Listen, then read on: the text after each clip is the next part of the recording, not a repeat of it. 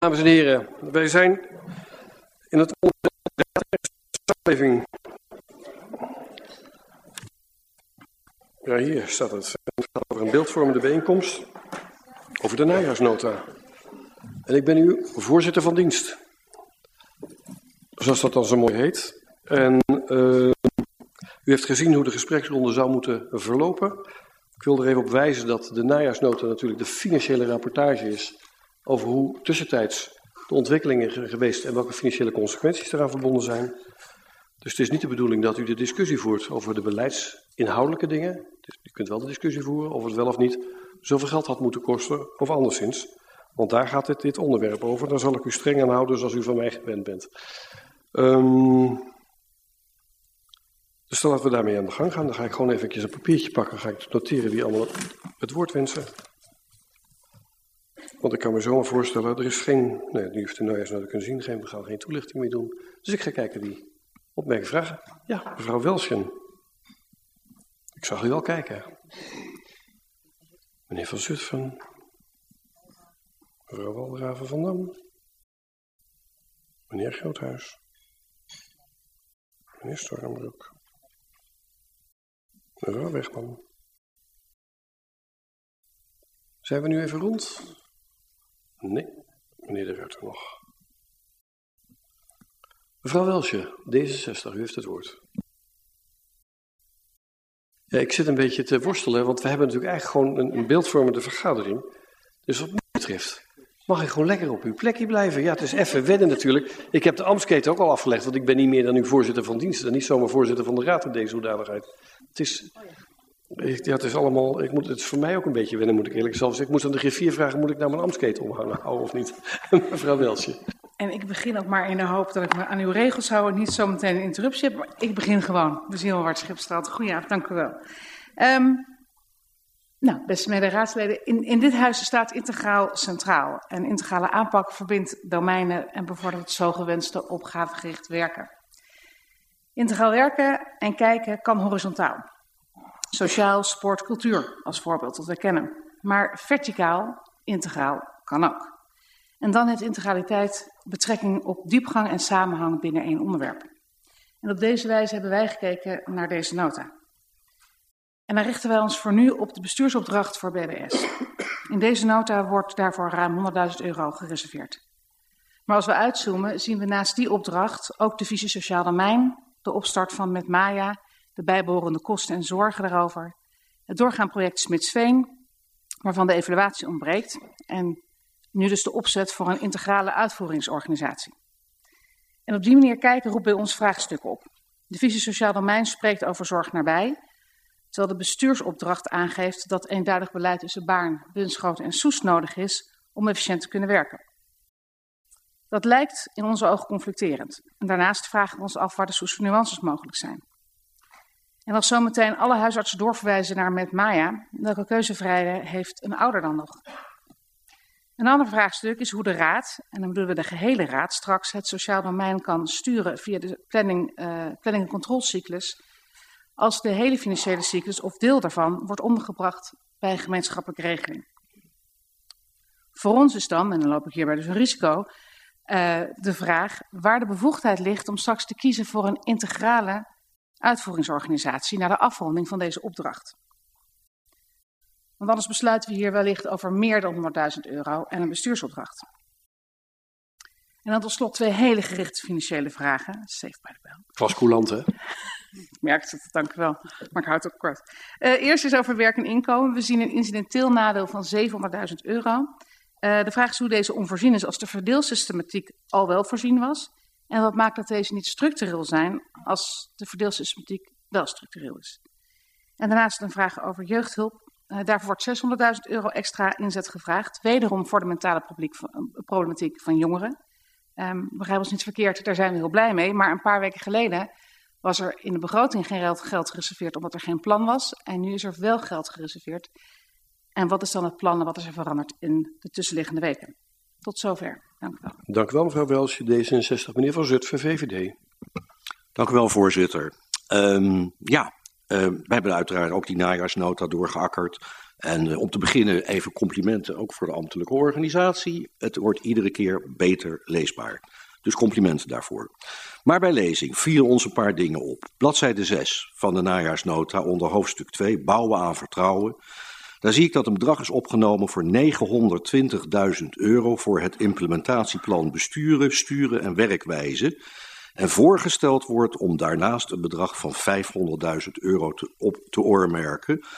En als ik het goed zie, betekent dit dat er in 2024 voor implementatie bijna anderhalf miljoen euro beschikbaar is.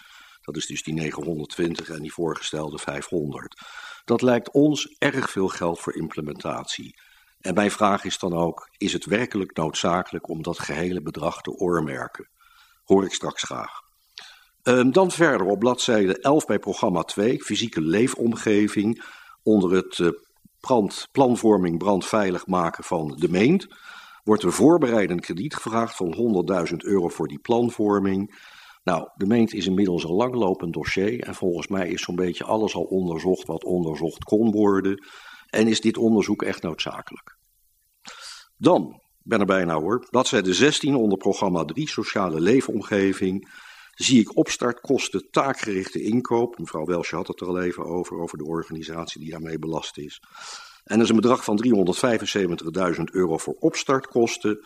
En het voorstel is om in 2024 287.000 op, te op te nemen, euro, in de najaarsnota. Dat lijkt ons voor een opstartbedrag wel een heel fors bedrag. En ik zou daar ook graag een toelichting op willen horen wat daar precies voor gedaan wordt. Uh, dan als laatste, bladzijde 17 onder deelprogramma 3.1. Dat is de bestuursopdracht toekomstige inrichting uitvoering sociaal domein. Daar wordt een incidenteel nadeel genoemd in 2023 van 40.000 euro en 67.000 euro in 2024. En dan moet je dus even terug, mevrouw Welsje had het er al over, over integraal, uh, naar die bestuursopdracht die medio november beschikbaar kwam. En tot onze verbazing staan er helemaal geen financiële middelen in genoemd.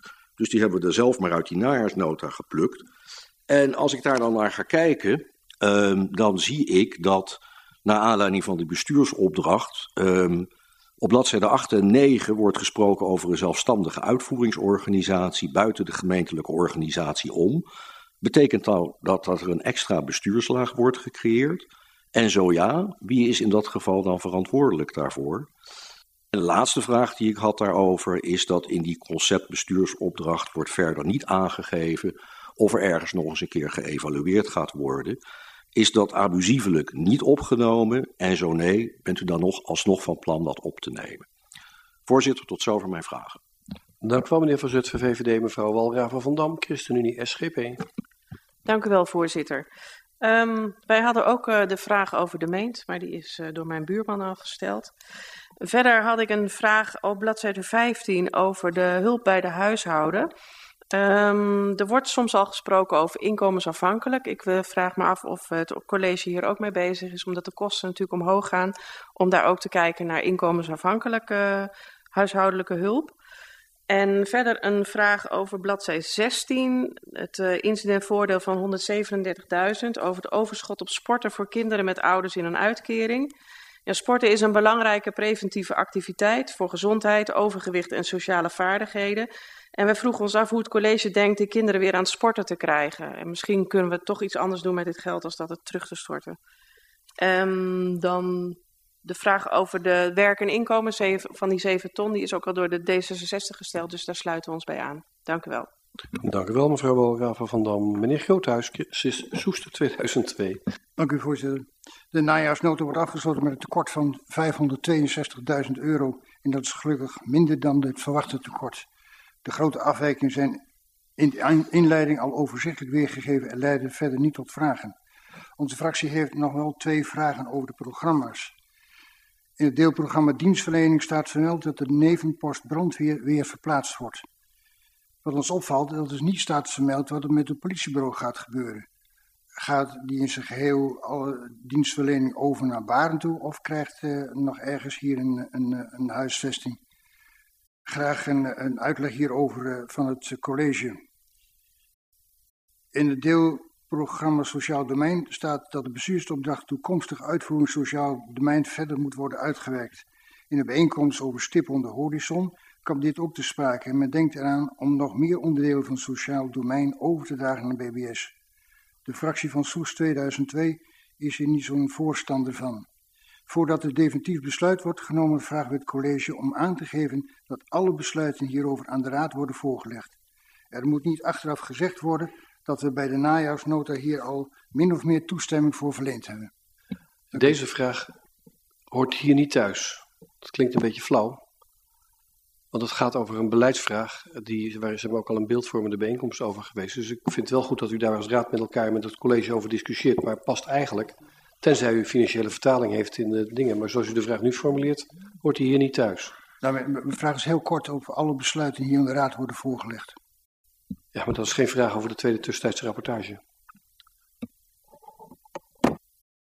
Sorry, meneer Sturrenbroek. Ik heb u nu staan als post. Ja, meneer Groothuis was klaar, want dat zag ik als een non-verbale reactie. Oh, ik was in één keer verrast door het feit dat ik, eh, dat ik mocht. Eh, ja, dank u wel. Ehm, over pagina 7 v- nou, vind ik het persoonlijk erg leuk dat u aangeeft dat u iets, gaat doen met de cultuurhistorie. Alleen zie ik het niet terugstaan bij een fysieke leefomgeving waarnaar wordt verwezen. Dat kan aan mij liggen misschien, maar dat mis ik ergens. Eh aanhakend op het verhaal van de brandweer. Eh er staat bij een post onvoorzien, maar het hoort natuurlijk bij het project Dalweg. Dus ik vraag me af waarom dit dan een onvoorziene post zou zijn. Het, het verhuizen van de brandweer naar een tijdelijke locatie. Eh, op pagina 12 staat de- dat u eh, op, het moment, op het moment alle plannen om het woningbezit van portaal te verdichten aan het toetsen bent op impact in de wijk. En we zijn eigenlijk benieuwd hoe, het zit een beetje op beleid misschien, maar hoe de raad hierin wordt meegenomen. Nou ja, de U vraag heeft gelukkig over- zelf het antwoord al gegeven. ja, dat we proberen toch. En eh, nou ja, de, de, de, de met Maya vraag, ik had hem niet mooier kunnen introduceren dan mevrouw Welsje, dus dan doe ik dat denk ik ook maar niet. Eh, wij zijn ook benieuwd hoe dat nou precies zit met eh, BBS, met Maya, visie sociaal domein, et cetera. Eh, mijn vraag over het Jeugdfonds Sport en Cultuur haakt een beetje aan bij mevrouw Walraven ook. Mijn meer financiële vraag is waar, gaat het geld, die 137.000 euro, naartoe? Gaat die naar de algemene middelen? En misschien ook op aanhaken, ja, kunnen we er niet iets anders mee doen wat, voor de jeugd? En eh, pagina 16, de buiguitkeringen van 7 ton.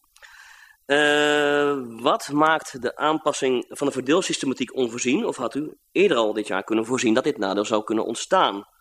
Op 4 mei heeft het Rijk namelijk gepubliceerd dat de buigbudgetten naar beneden zijn bijgesteld. In de voorjaarsnota hebben we daar niks over gezien.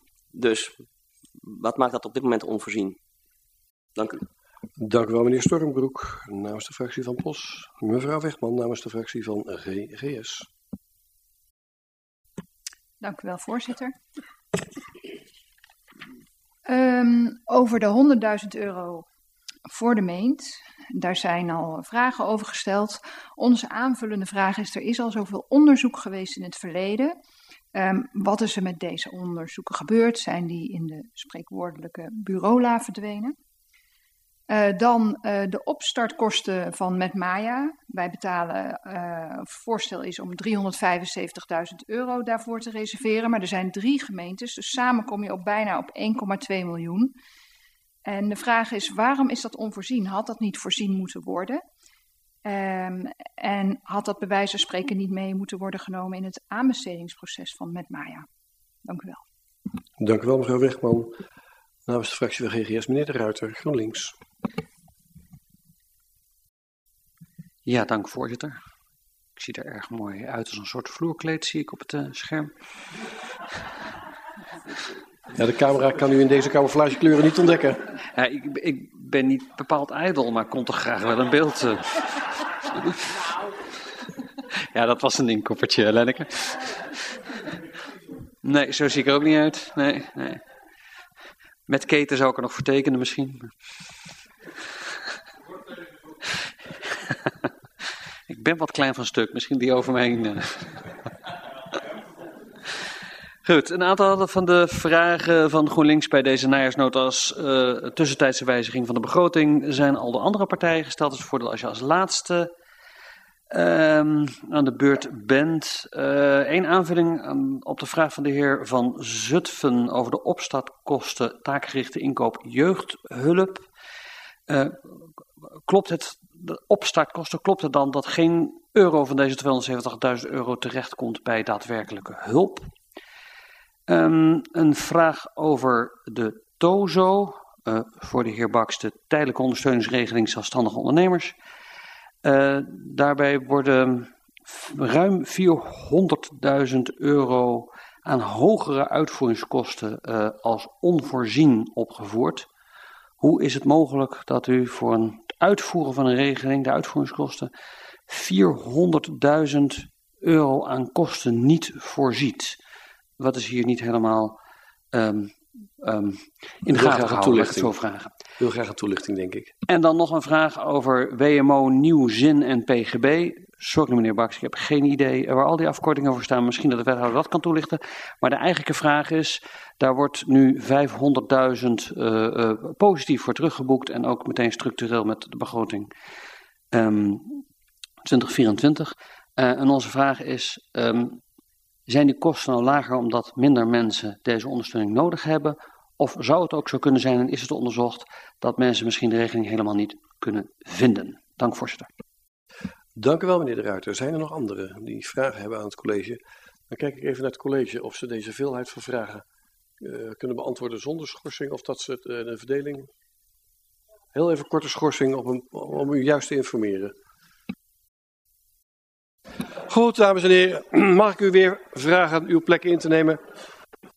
Want u had de vragen waren ook een deels technisch van aard. Dat mag deze fase. Dan ga ik even kijken wie. Ja, mevrouw Van Aalst, namens college. Dank u wel. Ik ga uw vragen beantwoorden. Ik zal ook uh, de portefeuille, neem ik waar, van uh, de heer Soena. En dat uh, leidt er wel tot maar u hoort zo welke vragen dat betreft. Um, dan ga ik als eerste in op de vraag van mevrouw Welsjen, uh, die uh, de verschillende onderwerpen heeft, uh, heeft um, nou, ten eerste was uw vraag van hoe sturen we door de raad. In een aantal onderwerpen stuurt u nou, natuurlijk integraal, maar ook op verschillende manieren. Als het gaat om de inkoop die we doen met Maya, ligt de basis in de regiovisie jeugd, die u hier heeft, heeft vastgesteld, bijvoorbeeld. Um, als, het, als ik concreet inga op uw vragen als het gaat om de bestuursopdracht, van hoe gaan, kunnen we daarop sturen via, als raad? Nou, is dat is een onderdeel van de najaarsnota? Nou, dat weet ik niet. Ik wil de raad natuurlijk bedienen, dat begrijpt u. Jawel, maar ik wilde wel een beetje streng zijn. Dus ik wil, ja, ik wil deze, omdat er eigenlijk van vier fracties de vraag over gesteld is. Maar ik vind eigenlijk dat we hier echt, als we het over de tussentijdse rapportage hebben, dat we het over de financiële rapportage erover. Ik wil hem nu laten, uh, ik wil u nu de gelegenheid geven, maar ik vind dat we met elkaar de discipline moeten hebben om de discussie te voeren over de onderwerpen die op de agenda staan. Wilt u het over, over Maya hebben, vind ik prima. Via de agendacommissie drie fracties gaan we dat doen. Maar ik geef nu de gelegenheid om het te doen. Ja, ik zat ook wel een beetje in dubio, omdat ook wel de inleiding wel aanleiding kan geven tot eigenlijk een heel college. Maar nou ja, ik ga het niet doen. Nee, precies. Nee, nee, nee. um, uw vraag als het gaat om de bestuursopdracht, daar mag, kan ik dus wel even op ingaan. Uh, hoe kan de raad erop sturen? Nou, op verschillende wijzen. Natuurlijk stuurt u via het vaststellen van de visie sociaal domein. U heeft een belangrijk onderdeel daarvan genoemd, uh, dat we willen dat er laagdrempelige dienstverlening is die nabij is bij onze inwoners. Vervolgens ziet u dat als rode draad terug. Dat is een rode draad in de reden waarom we met Maya nu uh, aan van, van start gaan, maar ook in de bestuursopdracht.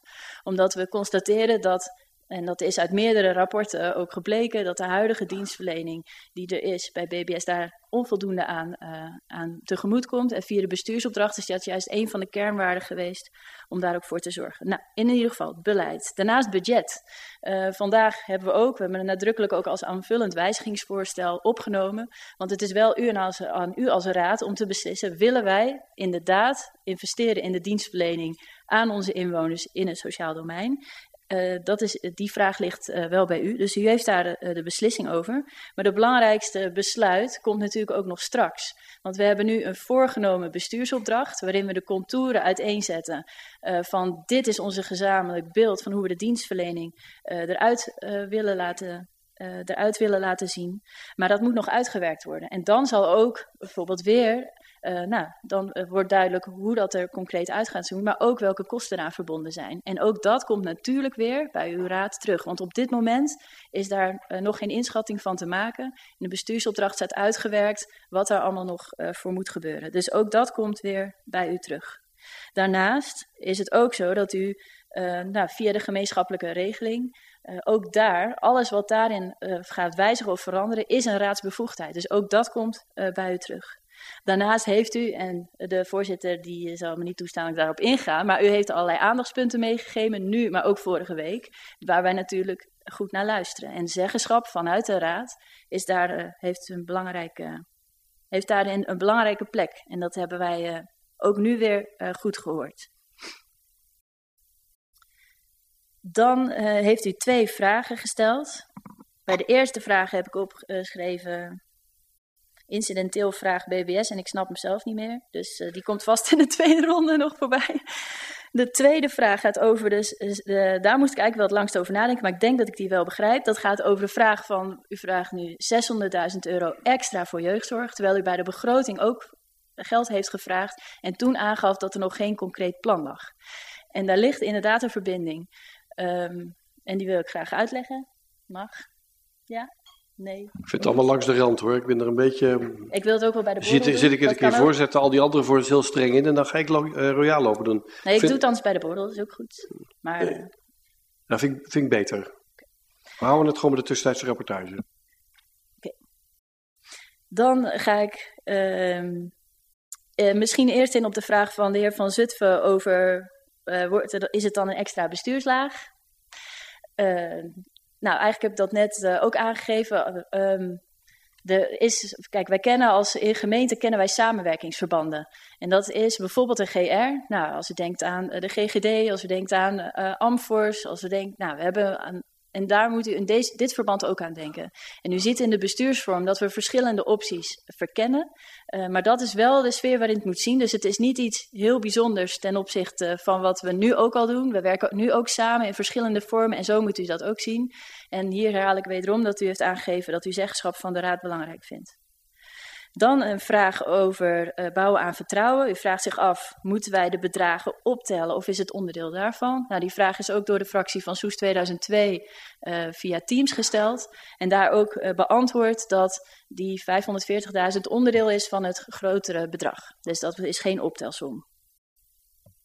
Daarnaast geeft u aan, maar dat geven ook een aantal andere fracties aan, uh, met Maya, dat is een fors bedrag. Nou, dat, dat ben ik meteen uh, met u eens. Dat is een fors bedrag. En waarom is dat nou nodig? Um, met Maya, die, uh, dat is de organisatie die vanaf 1 januari de jeugdhulp gaat verzorgen, de specialistische jeugdhulp in onze regio. Dat bestaat nu nog, ik toch weer een beetje aan het uitweiden, uit meer dan 200 aanbieders. En die komen straks onder één organisatie te vallen. Met als doel dat inwoners niet zelf moeten verkennen welke organisatie is het. Dat wij een duidelijk aanspreekpunt hebben als gemeente om, echt goed ons opdrachtgeverschap en de kwaliteit kunnen bewaken. heeft allerlei redenen. Uh, dat is de reden waarom we met Maya van start gaan. Maar u kunt zich voorstellen, als ik dit al zeg, van dat we van zoveel aanbieders naar één gaan, dat dat een enorme operatie is. Dat moet voorbereid worden. Um, dat zijn dus deels kosten die aan de kant van met Maya liggen. Bijvoorbeeld, waar wij super blij mee zijn, is dat er straks echt in Soest een team komt voor onze kinderen, die, die uh, weer de nabijheid, die die dienstverlening gaat verzorgen. Maar dat moet wel weer... Nee, nou gaat u, dan gaat ja, u echt te ver. Te ver. Knap u passie op dit onderwerp. Helaas, even kijken wat kan ik er wel nog van zeggen. En deels zijn het kosten ook die wij zelf moeten maken om bijvoorbeeld onze ICT-systemen voor te bereiden. Dus het zijn uh, dat soort zaken. Ja. Dan vroeg mevrouw Walraven van de huishoudelijke hulp, maken wij die ook uh, inkomensafhankelijk? Er zijn gemeenten die, uh, nou, wij, willen, wij als gemeente hebben ook eerder wel uitgesproken, wij vinden het ook belangrijk dat, dat ook WMO-voorziening, dat dat inkomensafhankelijke bijdrage weer voorkomt. Er was bewust door het Rijk voor gekozen om het niet te doen. Sommige gemeenten gingen dat toch doen. Nou, wij vinden dat we ons aan de wet moeten houden, hebben dat niet gedaan. Er zijn nu wel wetswijzigingen op komst, maar wij zullen ons nog steeds keurig aan de wet houden. Dus als de, uh, alle wetgevingen door is, dan zullen er ook vanuit Soest het weer inkomensafhankelijk worden. Ja. Dan zijn er een aantal vragen gesteld over de, de sport- en cultuurregeling en het, nou, de kinderen die daar gebruik van maken. En dat is een van die vragen die zozeer op het domein van de heer Soena liggen, maar even niet aan, uh, aan waag. En die worden uh, schriftelijk worden die, uh, beantwoord. Nou, wat het gaat om de vraag van de heer Grootes, ben ik daar net op ingegaan. Dus dat er vele momenten zijn waarop het weer bij de raad terugkomt. Als het gaat om uh, ah, die vraag van de heer Stormbroek, als het gaat om uh, met mij, is dat, uh, was dat eigenlijk niet te voorzien? Nou, wij hebben een aanbesteding gedaan, zo gaat dat, hè? Uh, want dat is, voor zo'n omvang moeten we dat ook doen. En daar uh, ja, moeten, moesten aanbieders ook een plan neerleggen van hoe willen wij de specialistische jeugdzorg binnen de kaders die uw raad ook gesteld heeft, vormgeven. En op dat moment is nog niet te voorzien wat daaruit komt. Voor de zomer hebben we met elkaar nou, gelukkig de aanbesteding succesvol kunnen afsluiten. En wordt dus ook die implementatiekosten duidelijk. Maar dat is dus niet aan de voorkant al duidelijk, omdat we daarvoor ook uh, de aanbesteding moeten afronden. En dan pas weten wat wordt het plan en wat gaat dat betekenen. Als het gaat om de vraag van de heer Ruiter, gaat inderdaad ook over met mij. Komt dit geld dan niet terecht bij uh, de kinderen? Dat is inderdaad in eerste instantie niet, want het gaat echt om de randvoorwaarden om te organiseren. Maar het is juist wel met het doel dat het uiteindelijk leidt tot die goede dienstverlening aan onze kinderen. En als we dan zien dat we ook in dezelfde najaarsnoten te maken hebben met een kostenstijging van 6 ton, omdat we zien dat er gewoon echt steeds meer en uh, ook soms zwaardere hulp nodig is, dan is dit juist een van de dingen die we willen doen om te zorgen dat de dienstverlening verbeterd wordt en we er eerder bij zijn uh, betere dienstverlening kunnen geven. Dus die relatie ligt er wel degelijk.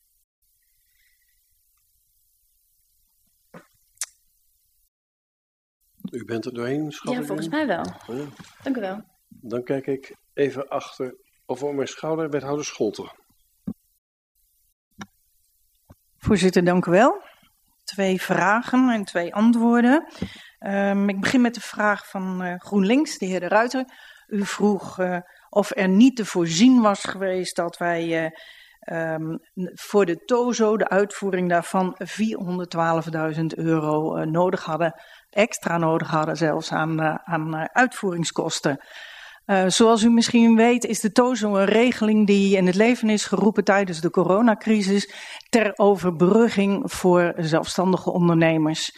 Op dat moment weet je niet hoe lang een crisis duurt en weet je dus ook niet hoeveel geld of hoeveel uh, vraag gedaan wordt, hoeveel beroep er gedaan wordt op deze regeling. Dus ben je volgend in je uitvoering en heeft dat geleid tot het bedrag wat we nu nog in de najaarsnota opgenomen hebben. Dan de vraag over de meent van verschillende partijen. Er wordt gezegd, oei, er is wel alles onderzocht wat er uh, te onderzoeken was, uh, meende u, heer Van Zutphen. En mevrouw Wegman zegt, is er niet ergens een la waar uh, nog wat uit de voorschijn gehaald kan worden? Um, zoals u ook in de, in de najaarsnota kunt lezen, er staat het is bedoeld voor planvorming en onderzoek. En ik kan u geruststellen, er is onderzoek gepleegd en dat blijft behouden de onderzoeken en de, uh, de, de, uitvoer, de, de uitkomsten daarvan, die worden wel degelijk ingezet in het vervolgtraject. Er zijn echter complementaire onderzoeken nodig om het plaatje compleet te krijgen. En dat is de reden waarom wij deze vraag of dit bedrag in de najaarsnota aan u voorgelegd hebben. Er zijn geen onderzoeken en geen resultaten verloren gegaan. En we zijn hard op weg om het beeld totaal te krijgen om voor onze inwoners te doen wat nodig is, het brandveilig maken van het woonwagencentrum. Voorzitter, tot zover. Dank u wel, wethouder Scholten. Dan kijk ik naar wethouder Treep. Die snelt achter de tafel vandaan. Dank u wel. Eén vraag. Dat was de vraag van de heer Stormbroek van POS over cultuurhistorie. Uh, u vroeg, uh, het staat op pagina 7 en waar kan ik dat terugvinden? Uh, terechte vraag, het is een beetje cryptisch. Het staat onderaan pagina 10. Ruimtelijke kwaliteit behouden en versterken. Maar er is een stuk tekst weggevallen. Dus we zullen dat toevoegen. Dus dank u voor de scherpte. En er waren nog een tweetal vragen die ik in mijn portefeuille kan vinden naar aanleiding gesteld door de heer Groothuis. Um, was de brandweer, het verplaatsen van de brandweer onvoorzien? Nee, het was niet onvoorzien, maar we wisten niet wanneer en wisten niet waarheen. Als je niet weet wanneer en waarheen, kan je de kosten niet voorzien. Nu weten we wel waarheen En we weten ook wat de kosten zijn om, het, om de brandweerpost te verplaatsen. Dus vandaar dat het op deze wijze aan u is aangeboden. politiebureau, goede vraag, want het is natuurlijk het voornemen om het in het voorjaar te gaan slopen. maar als ik goed ben geïnformeerd, gaat vanaf 1 december de politiepost in dit gemeentehuis open aan de achterkant bij, ik zou zeggen bij de personeelsingang, maar daar zijn een aantal kamers vrijgemaakt in overleg met de politie. Dus de politiepost komt in het gemeentehuis. Daar ben ik zelf als portefeuillehouder ook heel blij mee. Maar goed dat u het memoreert, want dan kunnen we er nog een keertje uh, een mooi feestje van maken als we dat gaan openen. Dan ga ik nu over in de andere hoedanigheid weer als voorzitter van deze bijeenkomst. Mm, voor de tweede termijn, meneer De Ruiter heeft zich gemeld. Oh, ik zie dat mevrouw Van Alst in de rebound bedacht heeft of wat het betekende of welke vraag ze vergeten was.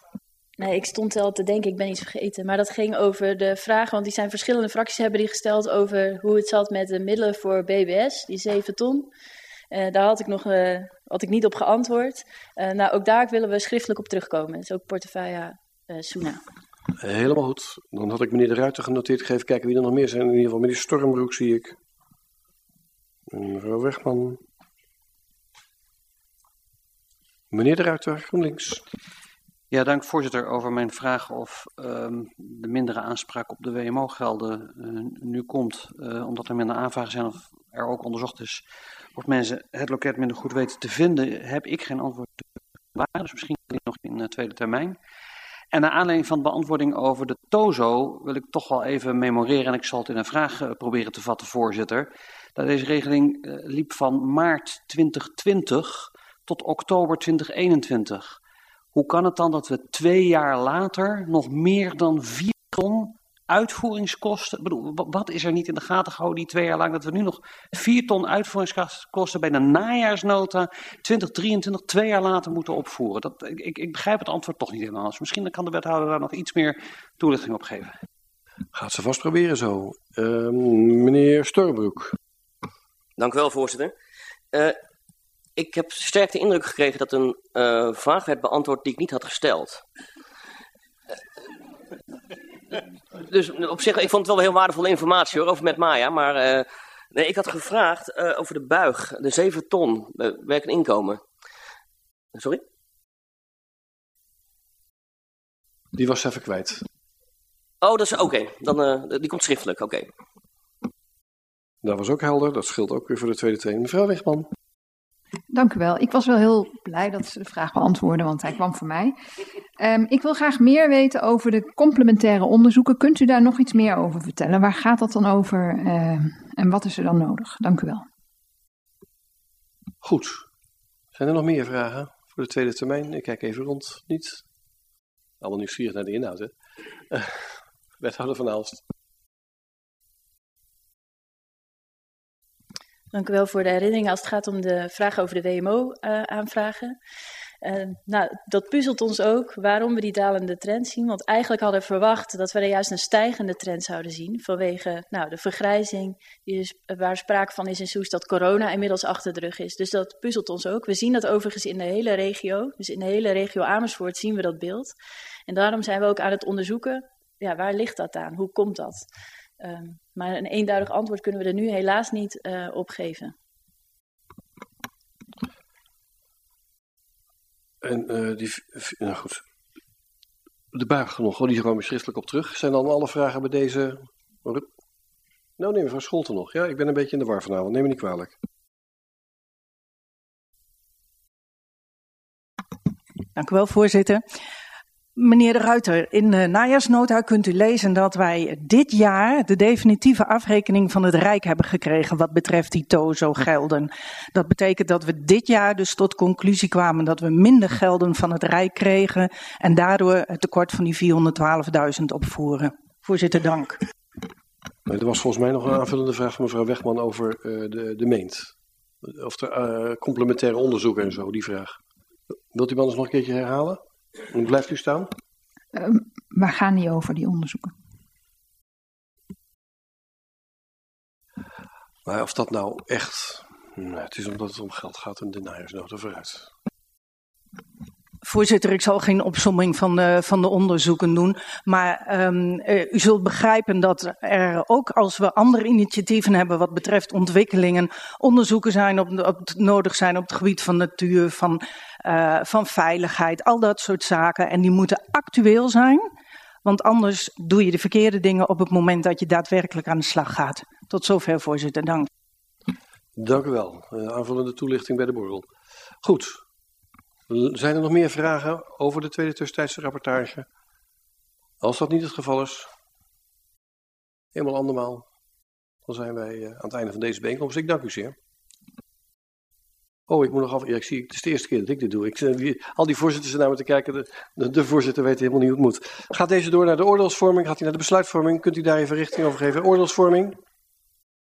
Ik zie allemaal knikken voor oordeelsvorming. Hij gaat door voor de oordeelsvorming. We zullen het advies aan de commissie meegeven. Dank u wel, mevrouw de griffier.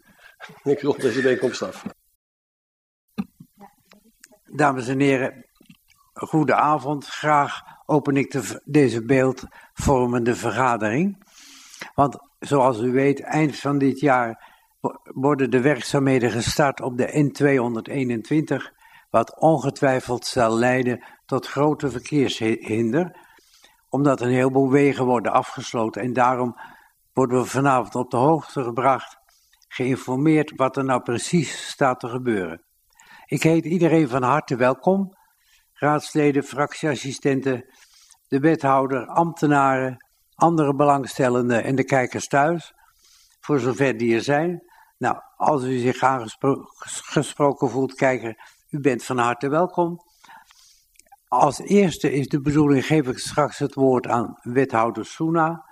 Die geeft een korte introductie en daarna zullen de heren Hogenboom, Knip en mevrouw Nijland u een presentatie geven. En van de presentatoren heb ik begrepen dat zij het prettig vinden als alle vragen tot het, aan het eind van de presentatie worden bewaard. Kan iedereen zich vinden in het voorgestelde verloop van deze avond, dit uurtje. Ik zie geen tegenstanders. Oké, al dus. Dan nodig ik wethouder Soena uit om achter de microfoon de presentatoren te introduceren. Ja, dankjewel voorzitter. Uh, zoals jullie weten lopen de plannen voor verkeersplan Soest-Zuid al vele jaren. Ik weet nog in de tijd uh, toen ik net raadslid was, dat we te maken hebben wat gaan we eigenlijk doen bij Soest-Zuid. En dat het project verder gelden en dat van oké, provincie betaalt, laten we onder tunneling overgaan. Maar er waren heel veel gemoederen die zeiden van liever ook niet. En wat goed is geweest in die tijd, dat er heel goede participatietraject is geweest met omwonenden, betrokkenen, maar ook weggebruikers. En uiteindelijk zijn er plannen gemaakt waar besluiten over zijn genomen in het eerder traject. Wat wij nu hebben gedaan is eigenlijk proberen werk met werk te delen. Om te zorgen dat er niet opnieuw meerdere keren de weg eigenlijk uh, in onderhoud gaat uh, opengesteld wordt. Waardoor meer belemmeringen zullen zijn. Uh, jullie krijgen zometeen een presentatie waarin eigenlijk drie onderdelen zijn. Projectleider van ons is Ingmar Kriep, die zit daar.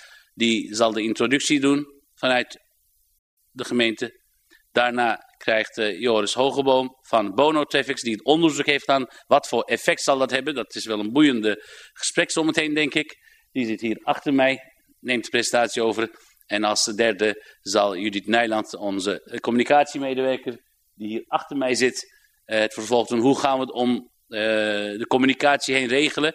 Want wat heel belangrijk is voor ons allemaal, dat we heel goed moeten communiceren, heel goed moeten afstemmen met iedereen die in Soest eigenlijk leeft. Want dit heeft gevolgen voor hele Soester gemeenschap. Het gaat natuurlijk om een deel van Soest, maar dat is eigenlijk wel het hart waar het hele verkeer doorheen gaat. Dus daarom is het wel belangrijk dat we dat op een goede manier uh, op ons nemen. Daarna ervoor zorgen dat we dat ook op een goede manier met de mensen kunnen delen. Zodat ze ook goed weten wanneer wat gaat gebeuren, welke stappen. Want dit wordt niet een uh, proces van een korte duur van enkele maanden. Maar het gaat jaren in beslag nemen, dat gaat u allemaal zo horen. Zoals de voorzitter net heeft aangegeven. De bedoeling is dat u even de presentaties afwacht. Want heel veel vragen zouden eigenlijk in de presentatie terug kunnen komen. Dat u daarna de vraag gaat stellen. En uh, we denken dat een klein half uur nodig is voor de presentaties. En dan heeft u nog ruim half uur om vragen te stellen. Dus bij deze voorzitter zou ik eigenlijk willen woord geven aan de heer Knip. Dank u wel, meneer Soena. Dan kijken we vol verwachting naar meneer Knip, maar nog vol, voller van verwachting naar de boodschap die hij ons gaat brengen. Goedenavond, dank u wel. Dank u wel, wethouder. Graag de raadsleden, aanwezigen. Uh, we gaan u pogen mee te nemen in een stukje wat uh, best wel belangrijk is voor heel Zoest. Uitvoeringsplan verkeers uh, Zoest-Zuid. Even, ja, nou ja, inleiding is net een stukje gegeven. Enkele dingen zal ik nog herhalen. En dan gaan we over naar Bono Traffics. Voor de mobiliteit kom ik dan nog even terug. Om een beetje de, daar de richting aan te geven. En dan gaan we naar communicatie toe. Ja. Uh, ruim tien jaar hebt u hier als raad al het gesprek gehad over verkeersplan Soes-Zuid. Betere doorstroming, betere uh, openbaar vervoer. Uh, veel participatiebijeenkomsten zijn er geweest. Die zijn allemaal ook tijdens corona doorgegaan. Bezwaren, raad van state, heel veel verschillende dingen. 2015, gemeenteraad, een totaalpakket aan verkeersmaatregelen vastgesteld. En dan komen we langzamerhand hier, 2019, uh, zijn we weer een stap verder gegaan. En nu gaan we de werkzaamheden langzamerhand starten. En het is al een beetje gemerkt, wat ik net ook netjes gezegd, Soesterbergse straat. Verkeersregelaars op straat, uh, wat meer druk om vanuit Soesterberg in Soest te komen. Ja, en we hebben uiteindelijk maar, en we hebben dat even hier neergezet, maar daar willen we naartoe, naar minder stilstaande auto's, betere verkeersdoorstroming voetgangers en fietsers veiliger kunnen oversteken, betere openbaar vervoersvoorzieningen, beter toegankelijk, zoest. En natuurlijk gaan we nu, en dat is ook een beetje waarom het zoveel is, proberen ervoor te zorgen dat we voorlopig er niet meer in moeten. Dus we hebben de nutspartijen meegekregen uh, op die manier. Nu wat meer overlast, wat langer de discussies en de, de problemen. Zometeen proberen we eigenlijk dat voor de x aantal jaren daarna te voorkomen of te minimaliseren. Dan was dat eigenlijk mijn openingetje. En dan geef ik even over aan Joris Hogeboom met uh, uw toestemming, voorzitter. En dan geef ik uh, hem het woord. Dank meneer Knip. En ook bij meneer Hogeboom zijn wij vol verwachting. Niet alleen maar van de goedheilige man, maar in ieder geval van uw boodschap. Gaat u gang. Ja, dank u wel, voorzitter. Uh, goedenavond, uh, gemeenteraad. Goedenavond, uh, thuiskijkers. Ik wil jullie meenemen in nou ja, de, de, effecten eigenlijk van de uitvoering van het verkeersplan Zoet-Zuid, de realisatie daarvan. Zoals de heer Knip net ook al zei, in december 2015 heeft u als raad het verkeersplan vastgesteld. daarna zijn in 2018 nog verdere, nou ja, vooruitlopend al maatregelen genomen om de doorstroming in Soeshuis enigszins te verbeteren. Er zijn slimme verkeerslichten geplaatst. Nou, die gaan we de komende tijd ook hard nodig hebben. Die gaan we ook een beetje slimmer maken. Ontwerpen zijn gemaakt. De ontwerpen zijn in 2022 vastgesteld. De bestemmingsplannen zijn gewijzigd. En in het voorjaar van 2023 zijn ook alle verkeersbesluiten die nodig zijn voor de uitvoering onherroepelijk geworden. En dat betekent dus ook dat we echt kunnen, dat de gemeente echt kan gaan starten met de uitvoering die zal plaatsvinden van komend januari tot halverwege 2000, eh, 2026. Maar wat gaat er nou precies uh, gebeuren?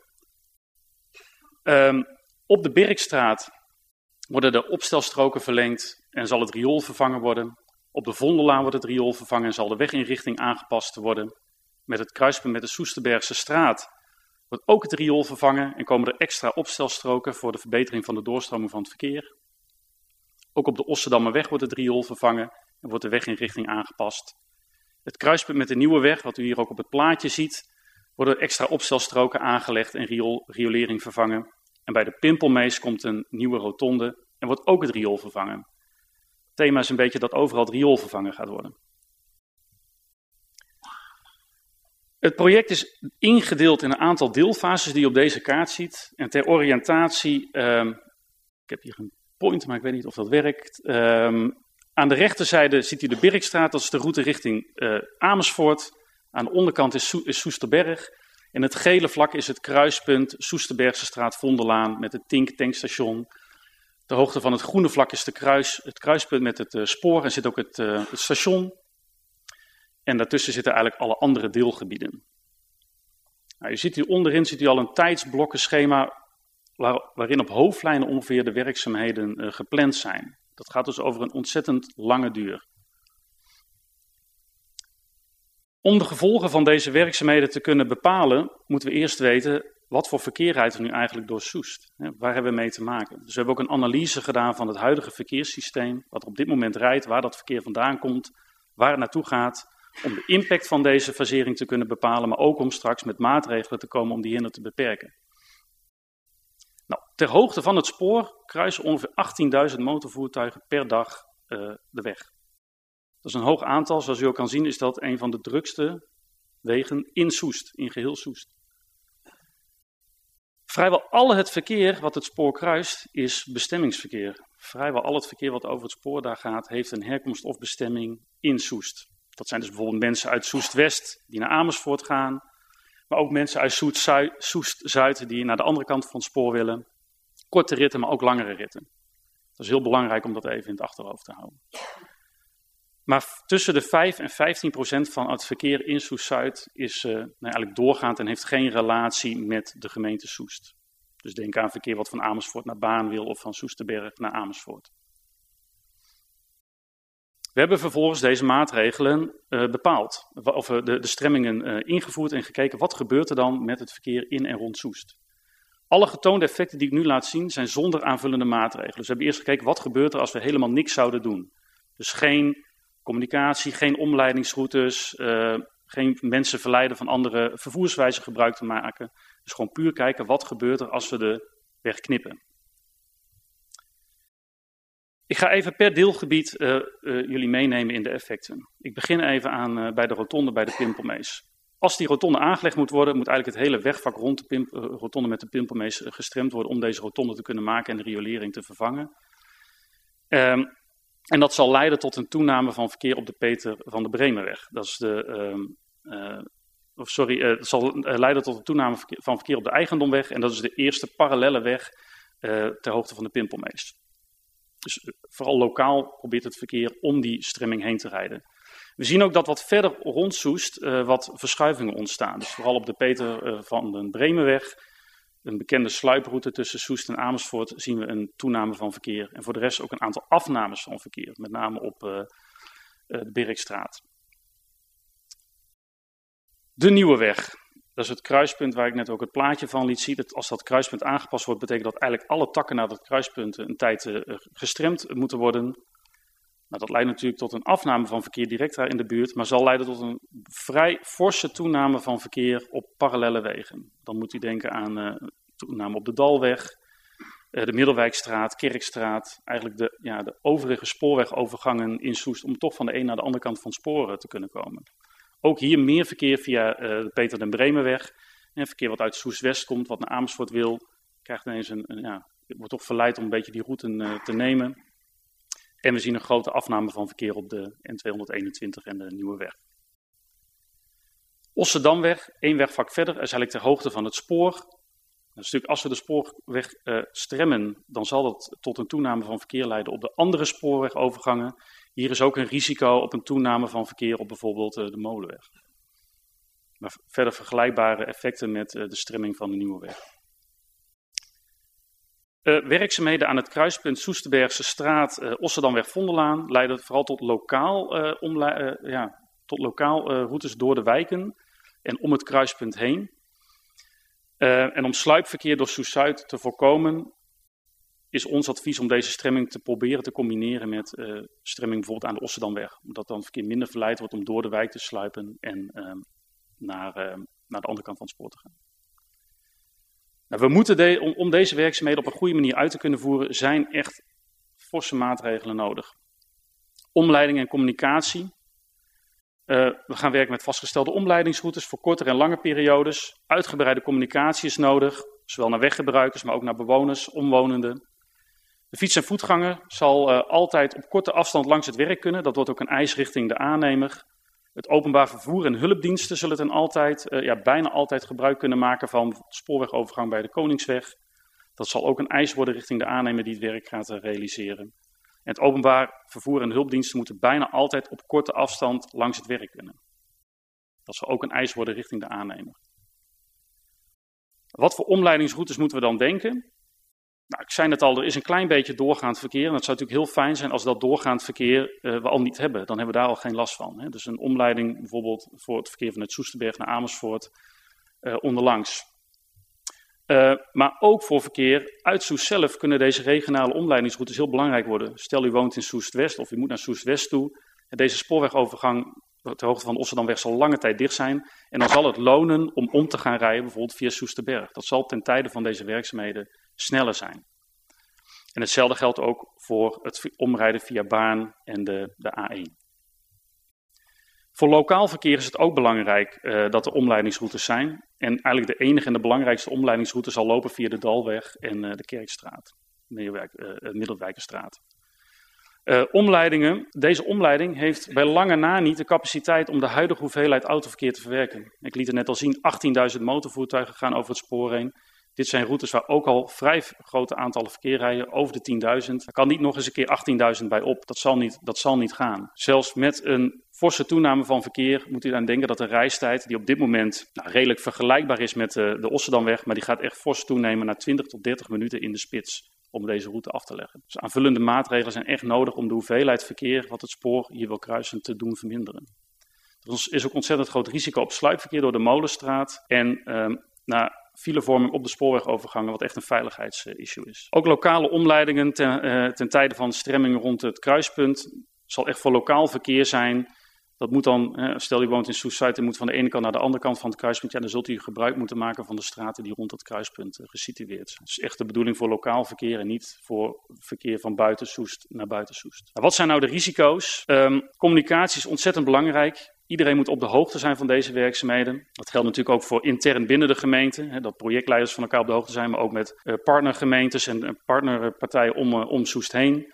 Maar ook de bewoners uiteraard, de, de ondernemers, de weggebruikers. Um, een groot risico is als er een calamiteit gebeurt op, op of rond een van die omleidingsroutes. Het systeem wordt eigenlijk minder robuust ten tijde van deze werkzaamheden. We halen een verbinding eruit. Dus het is aan, aan ons allen gelegen dat die omleidingsroutes bereikbaar blijven, beschikbaar blijven werkzaamheden kunnen uitlopen. Dat kunnen de werkzaamheden van het project zijn, maar ook bijvoorbeeld werkzaamheden vanuit de kabels en leidingen, van de nutsvoorzieningen. Um, werkzaamheden elders in Soest, hè, die plaatsvinden op de omleidingsroutes of op andere wegen uh, rond uh, waar, wij, waar we deze werkzaamheden plaatsvinden, die mogelijk tot nog extra druk leiden van verkeer. En een gridlock, want als iedereen gewoon hetzelfde reisgedrag zal blijven vertonen wat hij nu doet en gewoon de auto blijft nemen op deze relaties, dan kunnen we er vrijwel zeker van zijn dat zeker in de spitsperiodes, het verkeer gewoon compleet vast komt te staan. Maar er zijn ook kansen, want we kunnen de werkzaamheden slim plannen. Dat werd net ook al aangegeven, we combineren, we maken nu werk van werk, maar ook binnen deze fasering kijken we of we bepaalde werkzaamheden in elkaar kunnen drukken om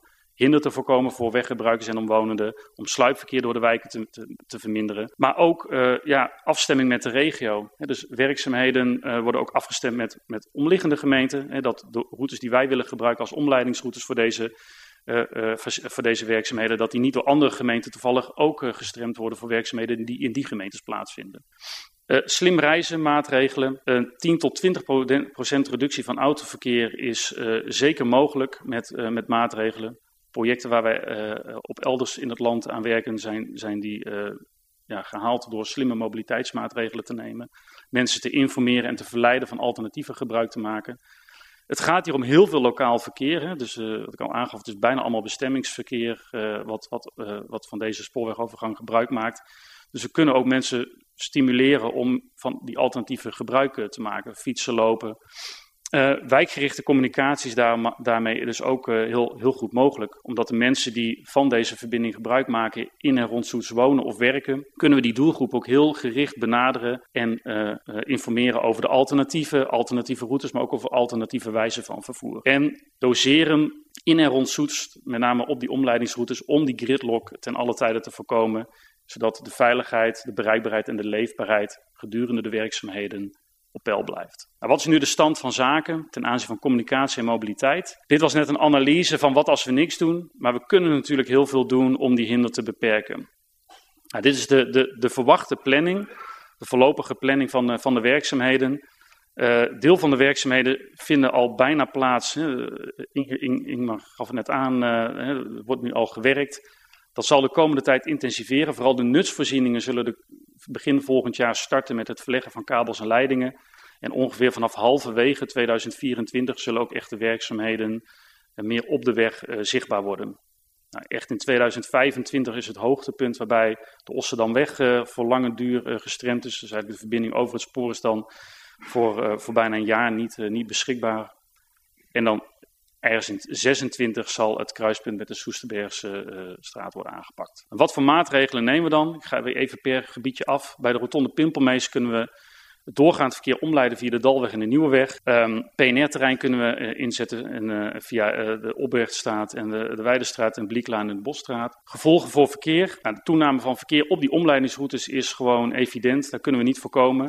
Er zal sluipverkeer mogelijk via de eigendomweg plaatsvinden. Daar gaan, gaan, we onderzoeken of maatregelen daarvoor uh, genomen kunnen worden. De PNR zal tijdelijk moeilijker bereikbaar zijn, omdat uh, nou, de weg gestremd wordt. En in overleg met hulpdiensten wordt dus inderdaad gekeken of een tijdelijke knip aangebracht moet worden. Ten hoogte van de Koningsweg Osserdamweg, dat is wel de, de fasering met de meeste impact op het, op het verkeerssysteem in Soest. doorgaand verkeer zal dus via de Dalweg en, en uh, Steenhofstraat, Middelwijkstraat, de Kerkstraat uh, verlopen. Um, zal tot enorme toename van verkeer op die omleidingsroutes leiden. Uh, we verwachten sluipverkeer ook via de Molenstraat en de Foekelaan. Dat zijn eigenlijk de andere beschikbare spoorwegovergangen buiten deze omleidingsroute. En sluipverkeer ook door de wijken heen ter hoogte van de Eikelaan.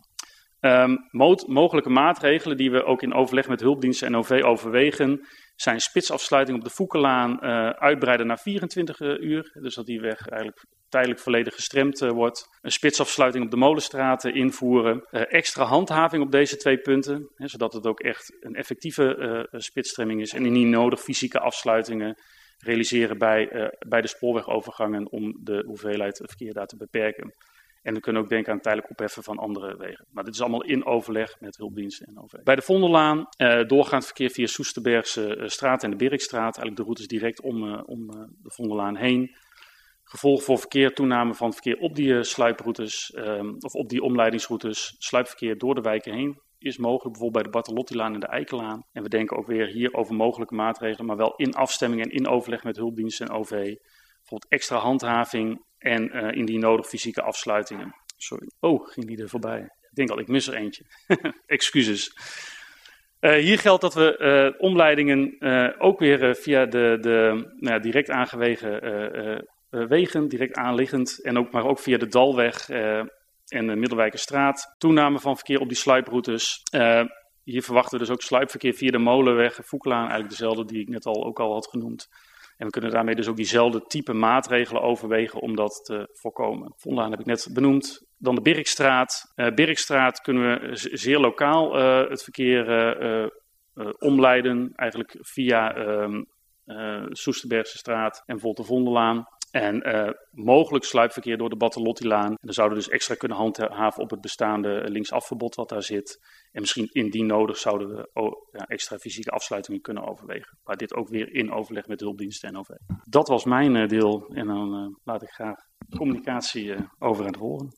Dank alvast meneer Hogeboom voor, voor uw inbreng. En nog spannender verwachten we de inbreng van mevrouw Nijland. Ja, we bouwen het een beetje op hè, vanavond, dacht ik. Uh, nou, ik denk dat we het spannende eigenlijk al wel gehad hebben. En het, uh, het, is, uh, het is niet weinig. Ik denk dat u allemaal gezien en gehoord heeft dat het een behoorlijke impact gaat hebben op heel Soest en omgeving. de heer Hoogboom zei het al, communicatie essentieel. Um, ja, we hebben hier een aantal doelstellingen staan. De inwoners en de stakeholders. En de stakeholders is heel breed. Dat zijn ondernemers, OV, nou ja, noem maar op eigenlijk, wat, uh, wat net al genoemd is, uh, ja, die moeten we informeren over deze werkzaamheden. Dat moeten we goed doen, dat moeten we uitgebreid doen, dat moeten we vroeg doen. Uh, om ook begrip te creëren voor die noodzaak van die werkzaamheden. En ook vooral erg belangrijk, ook om te kijken en om aan te geven wat zijn dan de alternatieve vervoerswijzen om die te stimuleren, zoals de fiets en het carpoolen. Um, doelgroepen, ja, logischerwijs de inwoners van Soest en omgeving, ondernemers, weggebruikers. Uh, maar ook niet geheel onbelangrijk natuurlijk de direct omwonenden, die daar uh, echt ook veel hinder van gaan uh, ondervinden. En bijvoorbeeld ook de ondernemers bij het winkelcentrum Soest-Zuid. en dan hebben we natuurlijk de interne doelgroepen, waar u ook onder valt, de raad. Dus jullie ook regelmatig informeren over de stand van zaken en de vorderingen van de werkzaamheden. Um, ja, de strategie, zoals dat dan zo mooi heet, is gericht op het breed informeren. Ja, en we willen natuurlijk wel dat positieve eindbeeld ook in zicht houden. Waar doen we dit allemaal voor? Dat waren eigenlijk de eerste bullets uh, die we gezien hadden bij de presentatie van, uh, van de heer Knip. Mag ik nu op dit knopje drukken. Ja, de kernboodschap. Um, ja, eigenlijk is dat net al genoemd. Soest ook in de toekomst goed en veilig bereikbaar houden. Uh, ja, daar zijn ingrijpende werkzaamheden, maatregelen voor nodig. Uh, dat, uh, ja, dat veroorzaakt overlast, niet weinig ook. Um, maar dat proberen we wel zoveel mogelijk te beperken. U heeft het verhaal net gehoord hoe we dat ook willen gaan doen.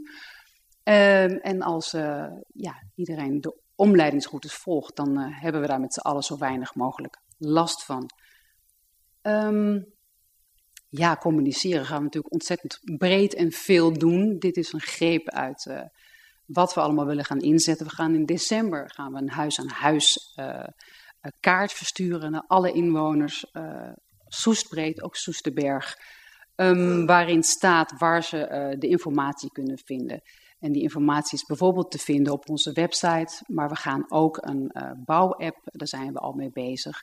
En op die bouwapp kan je precies zien wat, wat de werkzaamheden zijn, uh, de omleidingsroutes. Ja, het is gewoon heel belangrijk om van tevoren vroeg mensen daarover te informeren en het ook actueel te houden.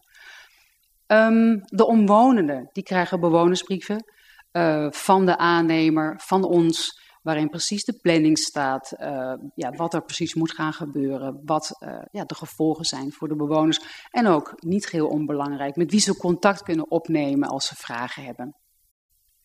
Uh, ook worden er door de aanloop, sorry, door de, onder, door de aannemer inloopspreekuren georganiseerd voor de omwonenden waar ze terecht kunnen met hun vragen. Die zullen er ook zijn. Um, wat ik al zei, een bouwapp met de omleidingsroutes, foto's, updates, uh, de website. We hebben een nieuwsbrief, die bestaat al jaren van Soes-Zuid. Uh, nou ja, die zullen we wat vaker weer ook uh, gebruiken en inzetten. Bouwborden, de informatiepagina, social media, eigenlijk alle kanalen die we hebben, gaan we inzetten om de bewoners, weggebruikers te informeren.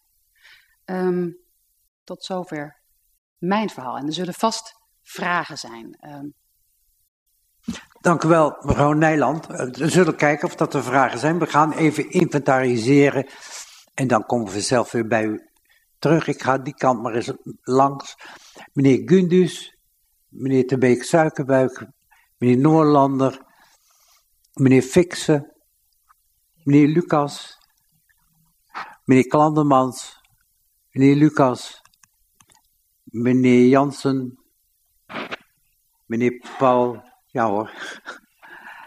Dat was het voor zover nu betreft. Dan gaan we in die volgorde uw vraag aan de orde stellen. En beginnen dus bij meneer Gundus. Dank u wel, voorzitter. Ik heb twee vragen. Eén, uh, in het begin van het verhaal hoorde ik over... Uh, het is een heel lang traject, wat, heel lang geduurd heeft. Veel opgehaald. Uh, dus ik ben eigenlijk wel benieuwd, wat is er precies ook ingehaald opgehaald bij de inwoners. Daar is uh, weinig over verteld. En mijn tweede vraag is, uh, is er ook serieus naar gekeken om in plaats van twee stroken, dus uh, twee rijbanen, dicht te maken, gefaseerd te gaan werken. Dus één rijbaan openstellen en het andere rijbaan voor de werkzaamheden openstellen. Dus is daar ook serieus naar gekeken? Dat waren twee vragen voor mij, voorzitter. Dank u wel, meneer Gundus. Ik, ik, kijk even naar de tafel achter mij. En van mij, de, als u de vragen die u betreft, betreft wilt noteren, dan werk ik eerst het liefst alle vragenstellers af om dan een gecombineerd antwoord terug te krijgen. mee instemmen? Ja? Oké. Okay. Uh, na meneer Gundus kregen we meneer Terbeek Suikerbuik. Voorzitter, dank u wel. Um, en mijn eerste vraag is, uh, zou ik wat meer duidelijkheid kunnen krijgen? We hebben natuurlijk heel veel nu kleurtjes gezien van, van locaties die dan dicht uh, komen. En ik vroeg me af, zijn het dan locaties die 24 uur per dag echt dicht blijven? Of zijn het van de locaties die dan van 8 tot, tot 4 of zo dicht blijven? Dat zou voor mij nog iets meer uh, informatie kunnen geven. Um, en de tweede vraag. We hebben de afgelopen tijd al ervaring dat een gedeelte van de Koningsweg voor fietsers um, dicht was. Nou ben ik mijn, met mijn ervaring van een trein halen, um, dat is vaak op de laatste minuut. En op het moment dat je dan drie keer de weg moet oversteken, dan is die laatste minuut wel echt heel erg kort. Um, dus ik vroeg me een beetje af, u werd wel iets gezegd over dat voetgangers en fietsers, dat die in principe altijd wel uh, doorgang kunnen krijgen. Uh, maar in hoeverre kunnen fietsers dus daadwerkelijk ook wel snel langs um, de wegen gaan om bijvoorbeeld een trein te halen of daadwerkelijk dat wanneer de fiets iets interessants gaat worden, zeg maar voor de, uh, de, verkeers, de verkeersdeelnemers in Soes-Zuid. Dus um, in hoeverre ook echt die voetgangers en die fietsers daadwerkelijk positieve effecten gaan ondervinden. En uh, nou ja, dat ook bij het openbaar vervoer vooral echt heel bereikbaar gaat zijn. Vooral omdat we natuurlijk ook wel de cijfers weten dat de, bij Soes-Zuid de trein, nou ja, dat dat ook een beetje spannend begint te worden voor de hoeveelheid mensen die de, de trein nemen. Dus ik hoop niet dat dat een negatief effect gaat hebben namelijk. Dat waren mijn vragen. Dank u wel, meneer Terbeek Suikerbuik. Dan gaan we naar uw rechterbuurman, meneer Noorlander. Dank u wel, voorzitter. Aan u. Dank u. Uh, ja, ik zou bijna denken, never waste a good crisis hier. En ik vind het ook wel prettig om te zien dat in ieder geval in de communicatie ook wel aandacht wordt besteed om mensen kennelijk op de fiets te krijgen of te laten gaan wandelen. Ik vroeg me wel af, zijn er nog andere manieren waarop dat ook nog gefaciliteerd wordt, behalve alleen het communiceren? Uh, denk misschien ook, ik zag ook wel iets van carpoolen, komt er dan ergens een carpoolplek? Misschien een plek dat uh, mensen samen gezellig kunnen gaan fietsen en wandelen, weet ik het. Um, en aansluitend op uh, de vraag van, uh, van, van mijn collega, de heer Terbeek Suikerbuik, over dat inderdaad hè, kort, op korte afstand erlangs fietsen ofwel lopen, kan het ook wel veilig. Dus wordt het niet op van die hobbelige plankjes, zeg maar, waar het, als het regent. Het maar de vraag is of je blijft zitten op je fiets. Um, wat betreft de doelgroep, ik, er wordt hier steeds gesproken over omwonenden. Uh, ja, waar, waar, waar houdt dat op, zeg maar? Of gaan we eigenlijk, ja, alle soesters zijn hier eigenlijk wel een doelgroep, zou je kunnen zeggen. Worden die ook betrokken? Net zo intensief bij de communicatie. Ik heb best wel wat vragen hoor, maar ik zal, een beetje, ik zal, het, ik zal het een beetje kort houden. Um, met betrekking ook tot die doelgroepen vroeg ik me af: van is er nagedacht over scholen en uh, sportverenigingen om die ook echt wel te betrekken erbij? Zeker scholen, denk ik, s morgens veel schoolgaand verkeer. En voor wat betreft het vrachtverkeer vroeg ik me nog af. Uh, u noemde een aandeel, uh, of nee, ik was benieuwd van hoe groot is dat aandeel in die bewegingen. Ja, en hoe wordt eigenlijk voorkomen dat die ook uh, niet die sluiproutes gaan nemen? Want dan zitten we wel een beetje in de penagie, vrees ik. Um, dat voor nu, Dank u wel voor uw inbreng, meneer Noorlander. Meneer Fixen. Ja, dank u. Um, gezien de presentatie zie ik dat er heel veel wordt afgesloten. Ook wordt gedreigd om af te sluiten. Waarvan ik dan denk, misschien is het veel beter om die eventuele afsluitingen open te laten. Ik zit te denken aan de spoorlijn uh, van Foukelaan. Ik zit te denken aan de Bartolottilaan. Uh, ik begrijp dat je dreigt eventueel dicht te gaan. Terwijl ik juist denk van, zet hem open om te ontlasten bijvoorbeeld de wijk Overhees. Dat is de vraag. Ook die vraag wordt uh, meegenomen, meneer Fixen. Uh, meneer Klandermans. Dank u, voorzitter. Uh, met betrekking tot het inkomend verkeer uit de richting van Amersfoort uh, is het meestal niet alleen maar lokaal verkeer. het mag bekend zijn dat heel veel slijpverkeer vanuit Amersfoort via de kruising Soesterbergse straat, Vondellaan Soesterbergse straat richting Soesterberg, vice versa gaat om daar de A28 te bereiken. Zijn er ook contacten geweest met de gemeente Amersfoort om te voorkomen dat dat verkeer blijft komen in de periode dat uh, Soest op de schop gaat? Dank u wel, meneer Klandermans. Gaan we verder de bocht door en komen wij meneer Lucas uit. Ja, de bocht, de bocht door, dat is wel heel toepasselijk. Maar je moet wel heel voorzichtig zijn. Twee vragen. De een over uh, de fietsers. Uh, uit een zin begreep ik uh, van volgens mij meneer Hoogboom en meneer Nolander gaf het ook al dat, het wel moet mogen, dat het wel mogelijk moet zijn daar nog te fietsen, of in ieder geval langs te gaan. En ik vraag het vooral omdat, en de Noorlander gaf het ook al aan, er zijn twee scholen, de Lutgerens en de Werveling, die hebben samen nou iets van 500 kinderen die, die daar dagelijks zich heen en weer begeven. Hoe veilig kan dat? En daaraan gerelateerd, uh, ik neem aan dat ook de scholen worden gezien als betrokkenen, dus die worden geïnformeerd, maar worden ze ook gezien als meer dan betrokkenen, maar als misschien organisaties die ook kunnen bijdragen aan uh, een oplossing uh, voor de tijdelijkheid van al die maatregelen.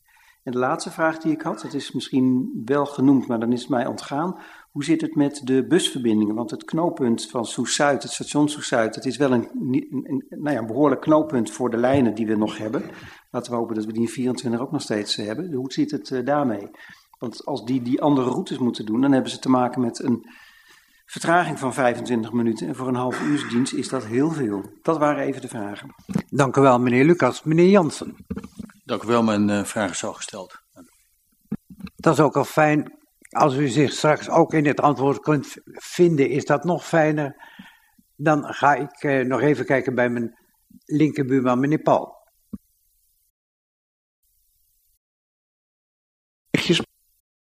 Komt-ie. Ik heb een heel lijstje, ben ik bang. Uh, over, over de rioolwerkzaamheden om te beginnen. Uh, zijn er ook aanvullende werkzaamheden voor de, de, de, de, klimaatbestendigheid, zinkputten, dat soort zaken? Worden die meteen meegenomen? we zien veel meer verkeer voor Peter van den Bremenweg en de Lange Brinkweg. levert dat geen frictie op met de werkzaamheden die voor de Lange Brinkweg zijn gepland? En in het kader daarvan ook, hoe zit het met de bereikbaarheid van de spoedeisende hulp meander?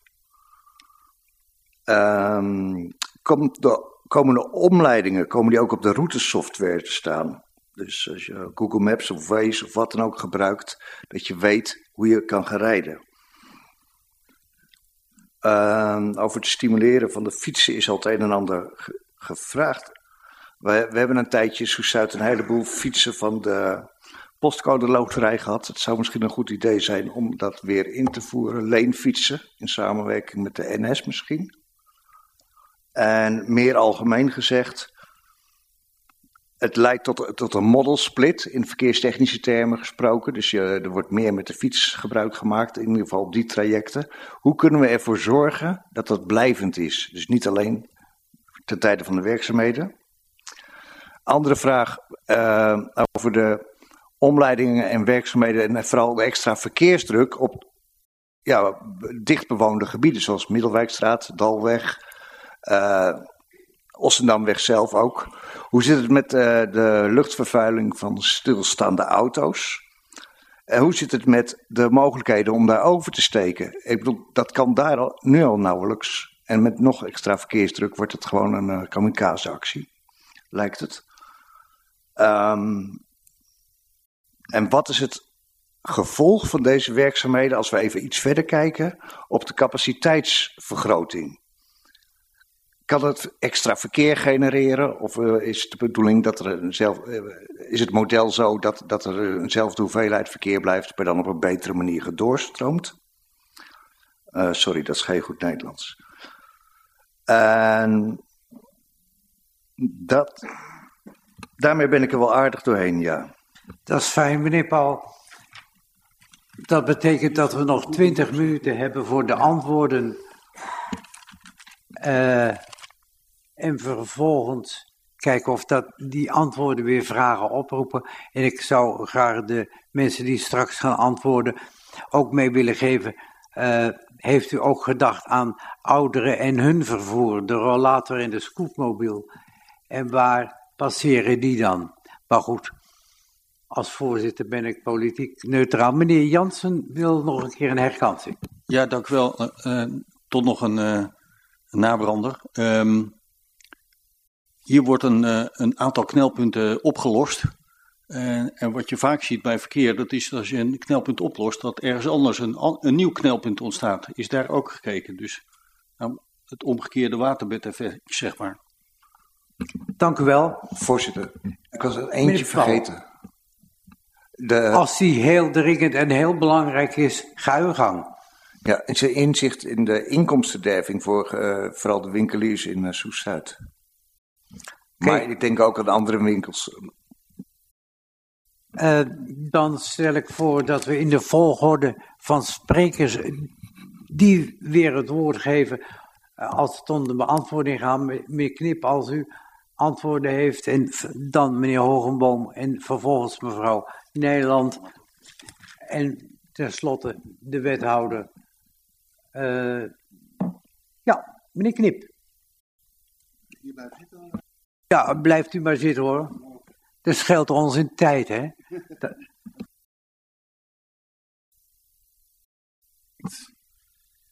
Eh, geachte raad, dank u wel voor uw eh, tijd die u hier hebt besteed. Dank u wel voor de vragen die u hebt gesteld. Ik heb geprobeerd zo goed mogelijk mee te schrijven. Mijn excuus dat ik er geen namen bij heb staan, maar dat is eventjes... Ik heb geprobeerd de, vragen zoveel mogelijk te noteren. Ehm, eh, eh, de eerste vraag die gesteld wordt, eh, wat is er opgehaald bij de inwoners? Zover ik weet, want ik heb het werk ge- overgenomen van vorige collega's, zijn alle reactienota's op de website terug te vinden. Dus daar staan alle vragen en ook de antwoorden die vanuit de projectgroep zijn gegeven, zijn die bekend. Mocht dat niet voldoende zijn, zullen we vanuit eh, Judith eh, alsnog daar eh, stukken voor kunnen aanleveren. Alleen die hebben we nu niet paraat, omdat we het voornamelijk hebben over de stremmingen die er zijn. Geavanceerd gaan werken, is daar serieus naar gekeken? Ja. De vraagstelling zoals u die stelde was, is er gekeken naar mogelijkheid om de weg gedeeltelijk open te houden? Uh, en een tweede vraag die daar eigenlijk wel een beetje aan vastzit is van, goh, is er gekeken naar tijden? Is het de hele dag of is het uh, een bepaald gedeelte van de dag? In beide zeg ik ja, daar is naar gekeken. In beide is het antwoord dat wij vanuit zowel de hulpdiensten, maar ook vanuit onszelf, en maar ook vanuit de arbowetgeving hebben gezegd, wij doen dat niet. Ehm, even de Ossendam zelf, daar moet door de nuts dusdanig veel eh, aangelegd worden, dat zij eh één kant het fietspad eruit moeten gooien bijvoorbeeld voor alle nieuwe kabels en leidingen qua energietransitie, want dit nemen we ook gelijk mee. En eh, daarmee eigenlijk de weg volledig nodig hebben voor opslag en voor hunzelf. Dan kun je er niet in veilig langs. En we willen dus, heel terecht wat iedereen zegt, de andere zijde dan vrij houden voor de voetgangers en de fietsers. Dus eh, we hebben gekeken naar eh, de meest kwetsbare eh, verkeersdeelnemers en gekeken, jongens, wat moeten we daarmee? Komen het nadeel van wegen open houden, is dat mensen buiten de werktijden deze gaan gebruiken als sluiproute de andere kant uit. En dat zou betekenen dat je op een smalle weg waar een sleuf langs heen zit, eh, in één keer kans loopt dat je een tegenligger tegenkomt. Ja, dat alles eh, in overweging nemende en dan kijkend naar het feit dat als we mogelijk toch zouden kiezen voor een halve rijbaan, dan verwachten wij dat de tijd dat we bezig zijn twee keer zo lang wordt. Ja, dat alles bij elkaar overwegende hebben wij eigenlijk gezegd van, dat is niet verstandig. Gaan we dan eh, zorgen dat eh, mensen, vooral bij de Ossendam, want daar wordt aan gewoond, dan heel lang niet bij hun huis kunnen? Nee, de mensen proberen we zoveel mogelijk s'avonds gewoon bij hun huis te laten komen. Eh, dat zal niet altijd lukken, maar wel zoveel mogelijk. Maar we hebben alles in ogenschouw genomen en daaruit bepaald dat wij verwachten dat de weg volledig afgesloten moet worden. Heel duidelijk daarin, mochten wij tijdens de uitvoering natuurlijk mogelijkheden zien om uh, het anders te doen, zullen wij altijd daar nog mee omgaan. Maar de basis is, het is niet leuk, het geeft overlast. Het kan niet anders. Even heel uh, duidelijk daarin uh, benoemd. Uh, Meneer Knip, als ik u even mag onderbreken. Ja. Het is vervelend, maar gezien de tijd zou u willen proberen de beantwoordingen kort en krachtig te houden.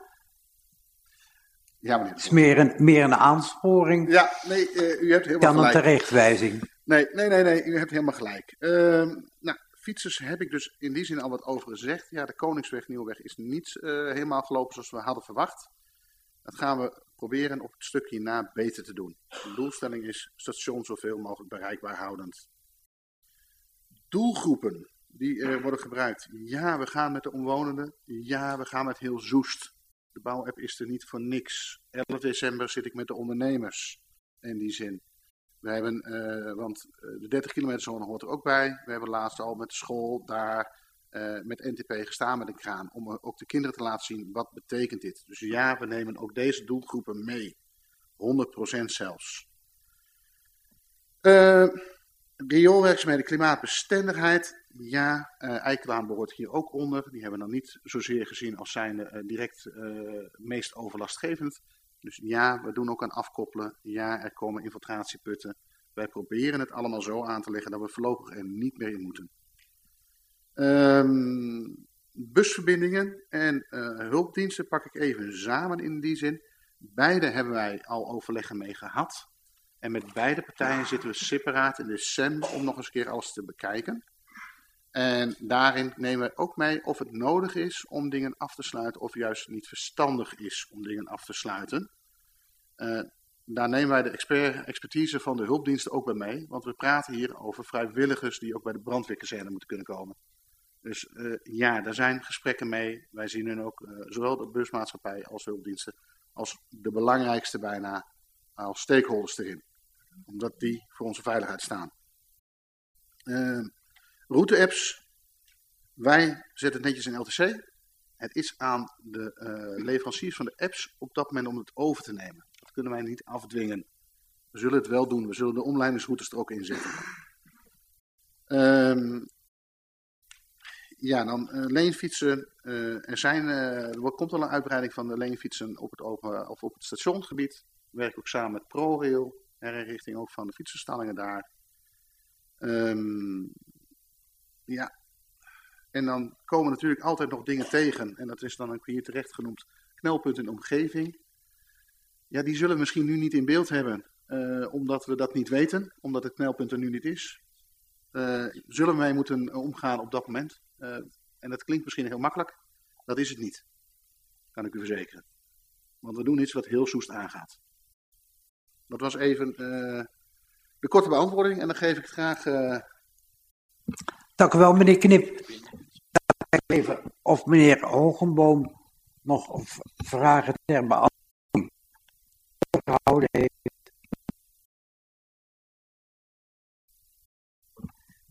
bijna alles, dan nemen we aan bij, dat dat dan ook bijna alles is. Meneer, mevrouw Nijland, blijven er nog zaken voor u over? Oké, okay, ja. Dan het woord aan wethouder Soena. Ja, je hebt de neiging om uh, langdradige reacties te geven, maar ik probeer het kort te houden, voorzitter. Het belangrijkste uh, om te weten is, uh, een van de vragen was hè, eh, van de Partij van de Arbeid, uh, hoe hebben je eigenlijk mensen meegenomen? Volgens mij doelde op het voortraject, hoe we eigenlijk die keuze hebben gemaakt. Dat is eigenlijk een langdurig proces geweest, waarin juist goed gekeken is met uh, iedereen die daarmee te maken heeft, waarom we Soestheid op deze manier gaan aanpakken. Veel informatie daarover is te vinden en anders kunnen we dat uh, met elkaar nog afstemmen, zou ik zeggen. De fietsen, we hebben aangegeven, we werken aan een mobiliteitsprogramma waarin voor ons stomp principe eigenlijk de regel gaat worden. Daarin is juist dit ook een test voor, dat we ervoor zorgen dat mensen meer gaan stappen en dan ook trappen. Dus daarom geven we eigenlijk nu voorrang aan het langzaam verkeer, zodat we hopelijk ook, als deze werkzaamheden voorbij zijn, dat ze ook dat aangeleerd hebben en ook binnen de kern, want wat we hebben geconstateerd is, eigenlijk bijna 90% is eigenlijk lokaal verkeer dat ze ook in Soest heel vaak de fiets gaan pakken of gaan wandelen. Dat we op die manier ook een mindset bij onze inwoners gaan krijgen. Een andere belangrijke punt is het waterbedeffect die Post noemde. Uh, ja, we gaan natuurlijk wel uh, kijken. Dit is natuurlijk de ader, de slagader van Soest waar doorheen gaat. Hier moet eigenlijk de belangrijkste de verkeer doorheen gaan. En wij hebben niet de verwachting dat daardoor straks op andere wegen uh, meer verkeer zal komen op het moment dat we het hier gaan oplossen. Er was ook een andere vraag, ik heb niet scherp door wie. Van ja, als de werkzaamheden klaar zijn, dat was ook van GGS, uh, gaat, gaan we dan niet nog meer verkeer aantrekken. Die verwachting is er niet. En wat we ook proberen te voorkomen, ook de vraag over Amersfoort. We proberen juist nu te voorkomen dat uh, Amersfoort eigenlijk minder gebruik maakt van onze route. En door deze werkzaamheden eigenlijk zullen ze dat ook niet snel gaan doen, want ze kunnen moeilijk doorheen. En wij verwachten ook uh, dat we daarmee dat probleem ook deels gaan oplossen. We zijn in contact met de gemeente Amersfoort. De gesprekken lopen er op allerlei vlakken rondom, niet alleen bij ons bij Soest-Zuid, maar ook wat er gebeurt over de grens rondom uh, Dierenpark bij de westelijke ontsluiting, die nu ook een fietsinrichting gaat worden vooral. En daar proberen we onze fietsverbindingen ook bij aan te leggen. Dus die gesprekken tussen de gemeente Amersfoort, die lopen gewoon wel goed. Um, de vraag van Foekelaan Bartolottilaan openhouden uh, stelde u. Um, meneer Fixen, het is eigenlijk um, afwegen wat dan het beste is. Op het moment dat we die wegen openhouden, we hebben Dalweg gehad die een paar weken dicht was, waarbij Molenstraat enorm te verduren had. Dat heel lastig was. Op het moment dat we geen maatregelen gaan nemen, dat denken wij dat bijvoorbeeld bij de Foekelaan een infarct gaat ontstaan. Die wegen kunnen dat niet aan. Op het moment dat we dat gewoon zomaar laten, dan denken we dat we veel meer problemen zullen hebben en ook veiligheid in het geding komt. Daarom overwegen we om dat niet te doen. Bovendien, voor zaken zoals uh, hulpdiensten moet je een alternatief hebben waardoor zij snel kunnen komen. En op het moment dat ergens helemaal vast staat, wordt dat bemoeilijk. Hoe ingewikkeld dat is, hoe lastig het ook is en ook geen leuke boodschap is, proberen we toch uh, de veiligheid daarin voorop te nemen en ervoor te zorgen dat we eigenlijk de, de bereikbare hulpdiensten de voorrang gaan geven. En wat het precies gaat worden is nog niet helemaal duidelijk. Maar dat wordt allemaal in overweging genomen. Daarom ook wat uh, meneer Krimp net aangaf. We bespreken dat met alle stakeholders. Daar zitten ook uh, sportverenigingen bij. Daar was ook een vraag over. Daar zitten scholen bij. Daar zitten hulpdiensten bij. Brandweer bij. Openbaar voor et cetera. Dus eigenlijk met iedereen zijn de gesprekken afgelopen maanden ook gevoerd. En dat gaat ook door. En in elke onderdeel, elke fase gaan we dat even goed bekijken. En in die verband omwonenden die echt direct geraakt worden, hebben natuurlijk een andere informatie nodig dan de mensen eigenlijk die van A naar B willen. Dus op die manier proberen we daar een antwoord op te geven. Voorzitter, ik denk dat ik de grote lijst eh, heb gehad die nog overgebleven waren. En als er nog vragen niet beantwoord zijn, horen wij dat. Graag. Dank u wel, wethouder Soena. Gelukkig voel ik mij uh, gesterkt door een medewerker van de Griffie die alle vragen heeft meegeschreven. En ondertussen hebben wij gekeken welke vragen nog niet beantwoord zijn. Dus ik gooi ze maar in het midden van uw groep van vier en hoor dan wel wie wat beantwoordt. We hebben nog staan de vraag van GGS. Heeft u gekeken naar de mogelijkheid van dat anderen een plantschade kunnen indienen, bijvoorbeeld de, de ondernemers? Is daarnaar gekeken? Die staat nog open. De luchtvervuiling en uh, hoe zit het met het uh, vrachtverkeer? En naast het vrachtverkeer natuurlijk de ouderen met de scootmobiel en de rollator. Meneer Pauw, niet de nieuwe, hè? Nog even. Nee, nee, nee. Ik vroeg ook naar de van de Lange Brinkweg die gepland zijn. Ja. En als, als u mij toestaat, uh, op de beantwoording van mijn buurman, die ging in op de, hoe de hulpdiensten het gebied kunnen bereiken. Mijn vraag was, dank u wel daarvoor, andersom, van de mensen die hier wonen, die op een normale manier, voordat iemand dood is, de spoedeisende hulp bereiken. Ja, heeft iemand de vraag gesteld naar, naar het meeantwoord. Ja, ik ga meneer Knip, meneer Horboom, mevrouw Nijland, meneer Schoena. Meneer Knip.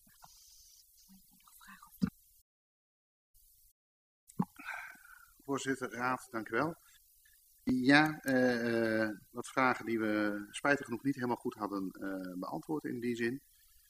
Vrachtverkeer is een hele moeilijke. Ehm, want op zich, als wegen open zijn, mag er ook een vrachtwagen overheen. Ehm, dat maakt het ontzettend moeilijk om daarop te sturen.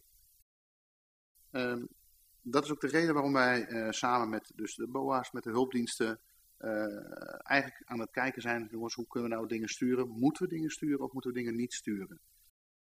Um, Dus kan ik zeggen dat er geen vrachtwagen over uh, slijproutes heen gaat of de wijk heen gaat? Nee. Want die maken gebruik van TomTom, uh, Google Maps, uh, et cetera. En als die bijvoorbeeld dan niet onze gegevens goed overnemen, dan hebben we daar eigenlijk al een, probleem waar wij niks aan kunnen doen.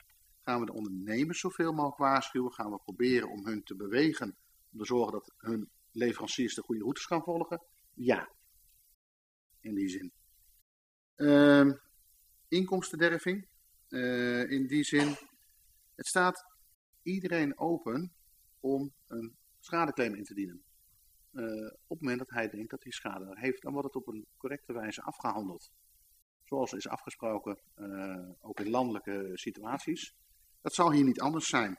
Um, ja, dat, dat is mijn antwoord eigenlijk daarin. Uh, ik kan daar niet specifiek zeggen ja of nee. Het is afhankelijk van degene die, die indient, hoeveel die indient en al zulke zaken meer. En daar zijn gewoon regels voor die we gaan volgen. Nee, geen verwachting. In die zin, zal, het, uh, zal er mogelijk wat kunnen plaatsen? Ja.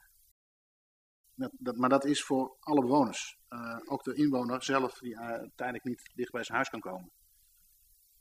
nou, spoedeisende, hè, wat u terecht zei, andersom. Dus kan ik van huis bij de spoedeisende hulp komen. Als iedereen ervoor kiest om op de fiets te gaan en te zorgen dat de auto blijft staan, zal de weg niet zo druk worden. Alleen een, een, garantie kan ik daar niet op geven. Om, het is niet aan mij eh, om, om, dat te, zeggen. Het is niet aan ons als projectgroep uh, om daar wat van te zeggen. Het ligt ook aan wat de inwoners van Soest nu gaan doen. En ik heb de hoop, meestal na drie maanden heeft, men iets anders aangeleerd, zeggen we dan. En ik hoop dat heel veel mensen op de fiets gaan staan en trappen. En dan dat ze na drie maanden zoiets hebben, oh het is heerlijk. Het is makkelijk om in Soest rond te rijden. En volgens mij heb ik er dan nog eentje openstaan. Uh, wat was dat? Ook weer? De luchtvervuiling. Doe ja. jij die? Of? Ja, ja, ja. ja. Meneer Soena neemt de beantwoording van één of meerdere vragen nu voor zijn rekening. Kijk ik met een scheef oog even naar meneer Hogenboom.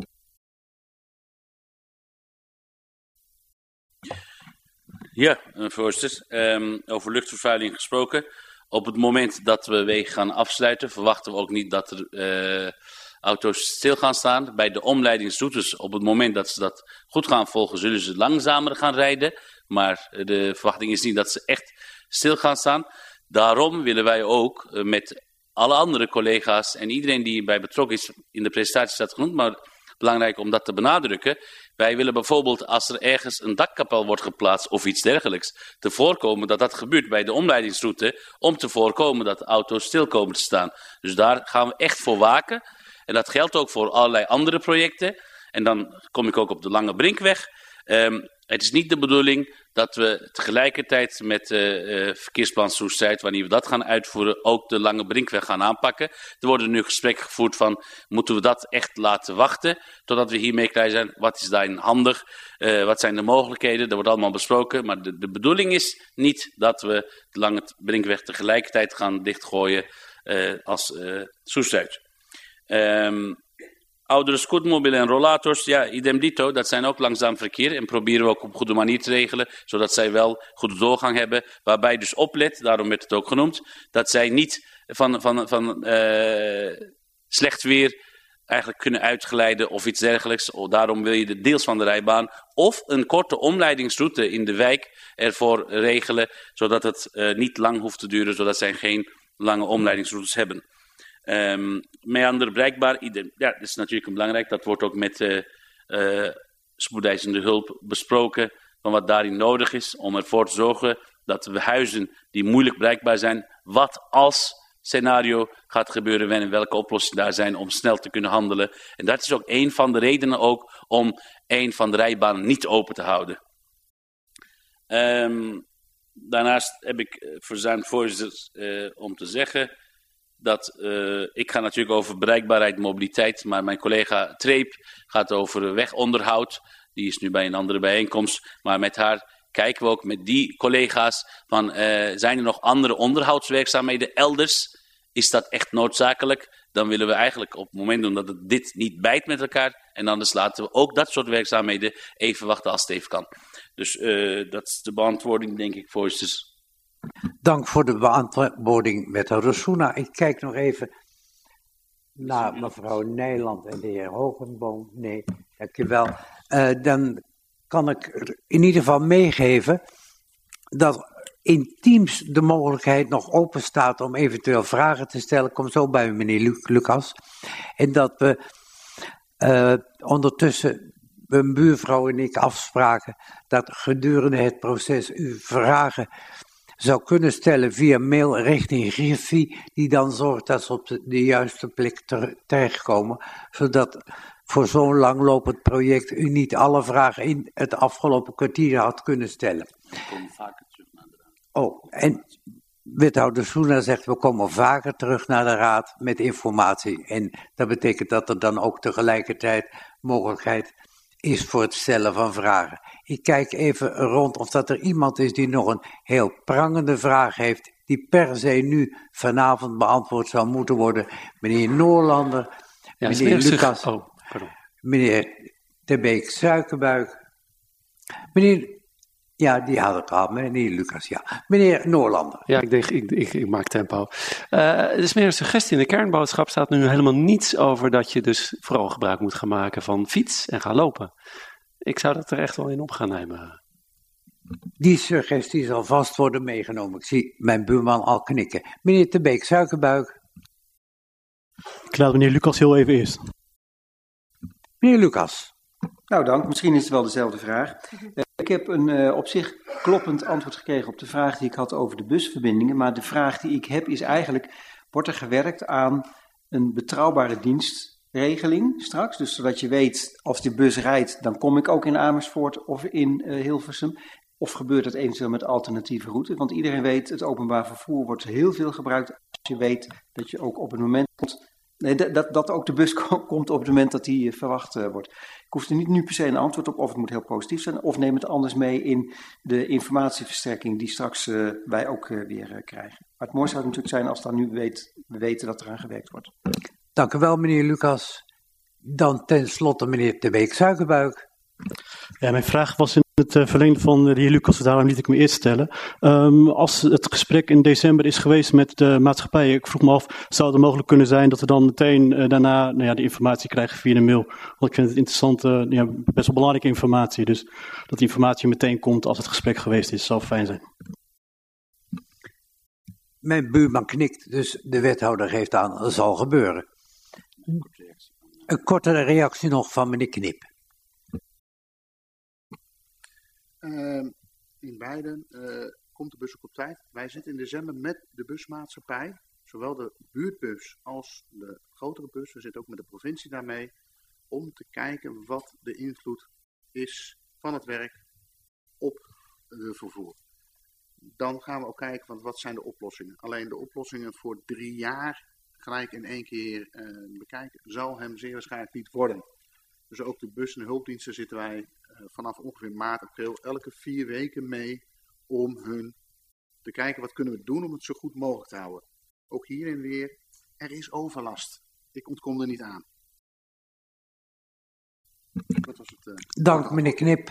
Dan zou ik in ieder geval u allen willen bedanken voor het meedenken en het stellen van vragen die leiden voor een nog helder beeld. De mensen links en rechts naast mij meneer Krip, meneer Soena, mevrouw Nijland en meneer Hogeboom voor de tijd die u heeft willen uittrekken om ons een helder plaatje te geven. Dank daarvoor. Voor straks, en dat geldt voor iedereen, een welterusten en zorg dat je weer veilig thuis komt. Dank u wel. Ik sluit hiermee de vergadering. Over een niet eerder geagendeerd onderwerp. En als eerste heeft zich gemeld de heer Boelhouder, die naast de, namens de kerkenbuurt uh, iets wil zeggen. Meneer Boelhouder, neemt uw plek. En ik ga vragen, want u wilde een beeld laten zien aan de techniek vragen of dat beeld op de schermen wil tevoren toveren. Daar is hij. Meneer Boelhouder, u heeft het woord. Ja, dank u wel, uh, meneer de burgemeester. Uh, beste raadsleden van Soest, burgemeester, wethouders, maar vooral ook de publieke tribune vandaag, goed gevuld. Um, allereerst dank dat wij de gelegenheid krijgen om hier kort in te spreken op de raadsvergadering. Uh, even mezelf voorstellen, Luc Boelauer, dat heeft u al gedaan. En met mij uh, Joop de Wit hierachter. En niet aanwezig van ons uh, clubje is Marco Reisinger, Reisinger en Martine Bezemer. die waren verhinderd. Um, maar wij vertegenwoordigen een groep van minstens 30 inwoners van Soest. Die wonen op of rond de Kerkstraat. Grofweg tussen de Veldweg, de Spoorlijn, de Ferdinand Huiklaan tot en met het begin van de Soesterbergse straat. Dat is ook wat u daar uh, zo meteen ziet. En beste raadleider, wij zijn verontrust. Verontrust over de leefbaarheid, verkeersdruk en parkeren op de Kerkstraat en Ferdinand Huiklaan. Zes al gepubliceerde bouwprojecten, elk in een verschillende fase van ontwikkeling. En geluiden over meer plannen, voor inmiddels 100 appartementen en 22 woningen in onze buurt. Dat hebben wij op dat scherm uh, gezet. Op basis van de officiële bekendmakingen hebben we dit grafisch overzicht gemaakt om de grote concentratie in onze buurt weer te geven. De bouwwerkzaamheden nog daar gelaten, betekent dit een enorme verandering langs de toch al drukke Kerkstraat. De verkeersdruk en parkeerdruk neemt toe. Het gevoel van veiligheid gaat naar beneden. De dichte en vooral hoge bebouwing heeft zijn effect op de direct omwonenden en op de hele buurt.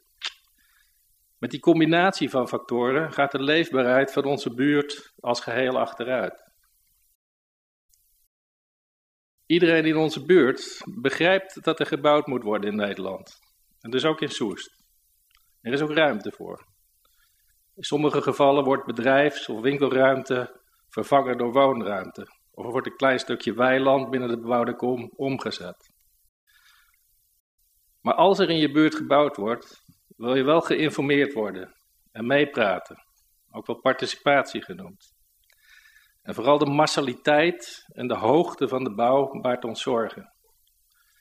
Een déjà vu naar de hoge appartementsgebouwen aan wat nu de Baron Bentingstraat heet. Aan het randje van de Mooie Eng en aan het randje van Oud-Soest met zijn unieke dorpse karakter.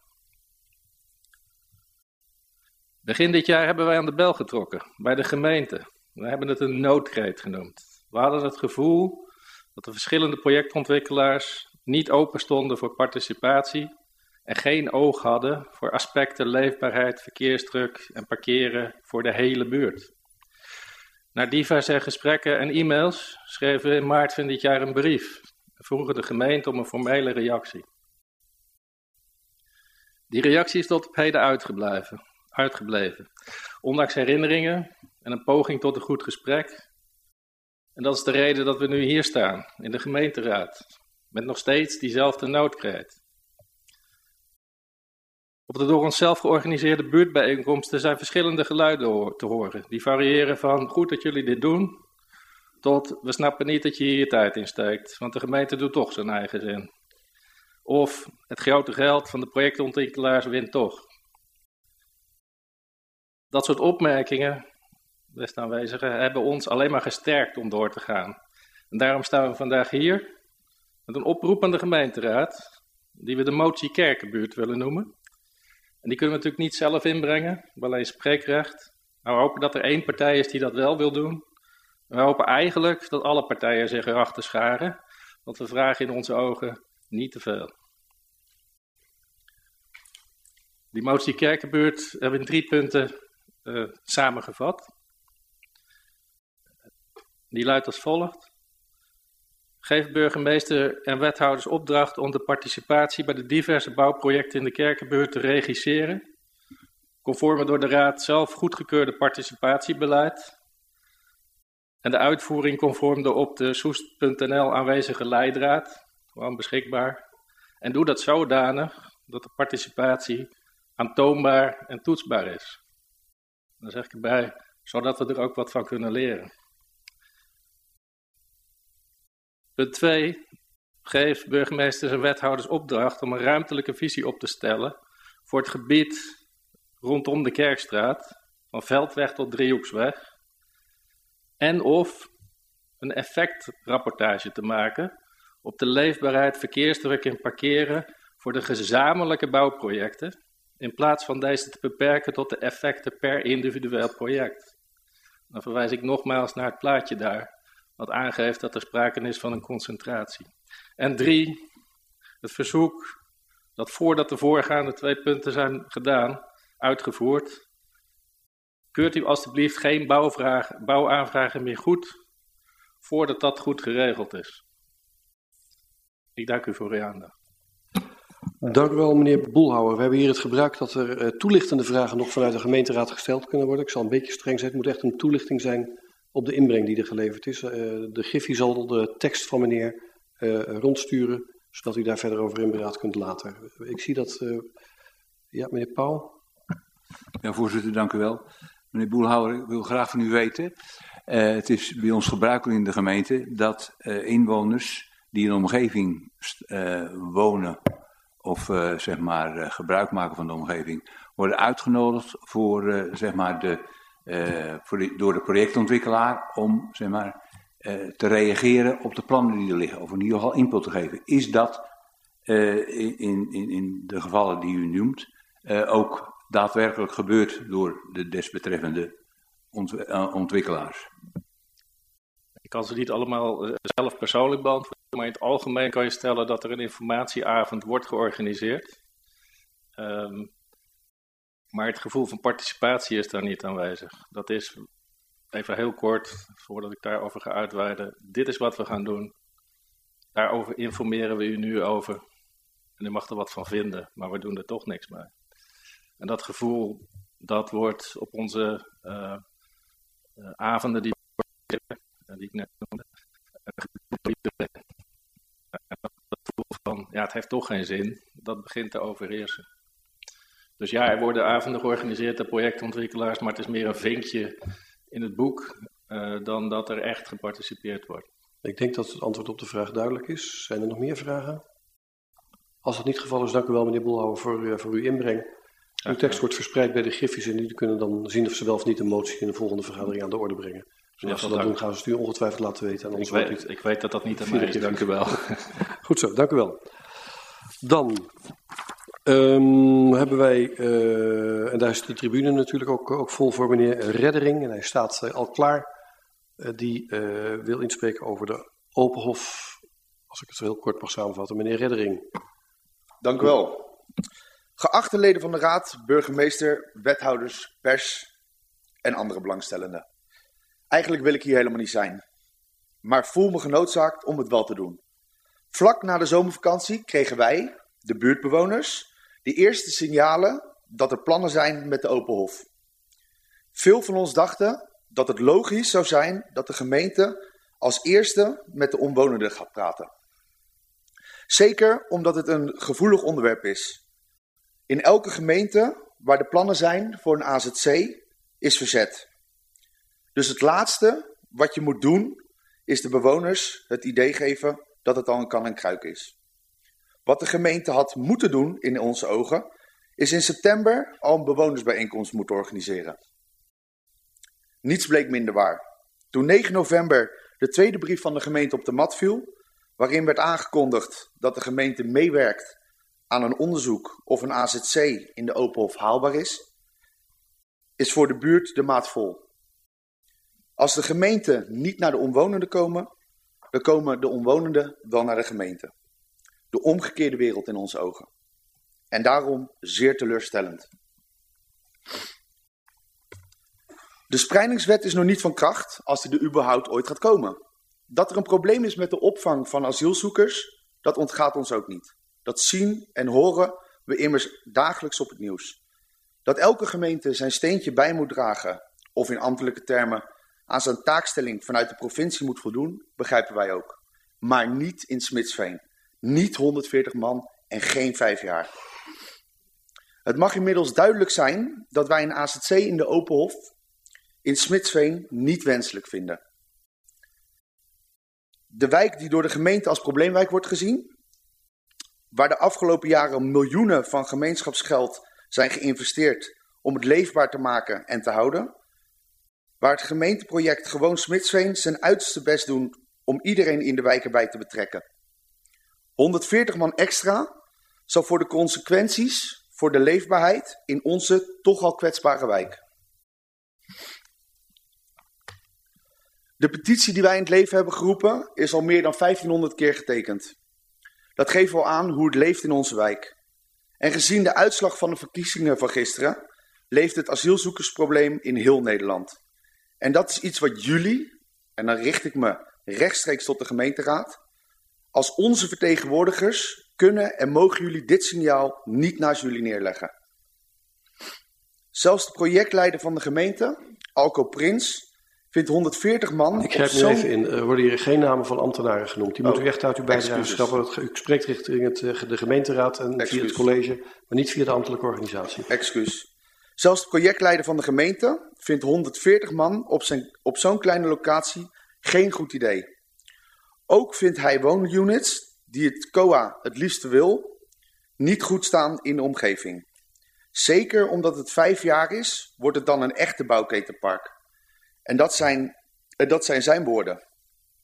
Tot slot, waar de buurt zeker een nare bijsmaak aan overhoudt, is dat de rentemeester van de gebouwen van de protestante gemeente, gemeente Soest, van de Open Hof, ik zal noemen, ook in de raad zit.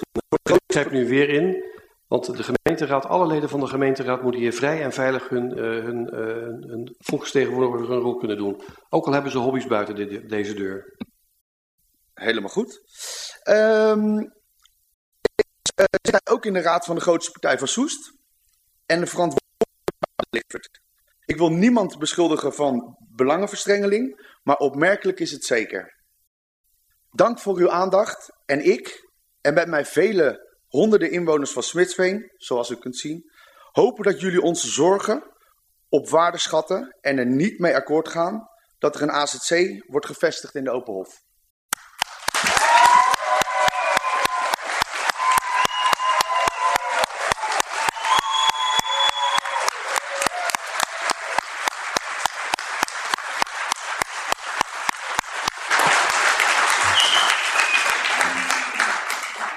Heeft er nog iemand vragen? Nou, ik denk eigenlijk dat dat, uh, dat het niet het geval is. Uh, want ik ben naar deze plek gelopen, want we wisten dat u inbreng zou leveren. En uh, ik zal namens de raad, hadden we een reactie, reactie al voorbereid. Ehm, en die wil, ik nu, die wil ik nu voorlezen. Ik spreek nu namens de gemeenteraad aan u uit. Ik wil mijn dank uitspreken voor uw inspraakreactie. We zijn blij met de betrokkenheid van uw wijk. En als gemeente staan wij voor hele complexe vraagstukken. En daarbij moeten alle belangen goed worden gewogen. En uw betrokkenheid, jullie betrokkenheid, helpt ons als gemeente om de juiste afweging te maken. Het vluchtelingenvraagstuk is ook voor de gemeenteraad complex.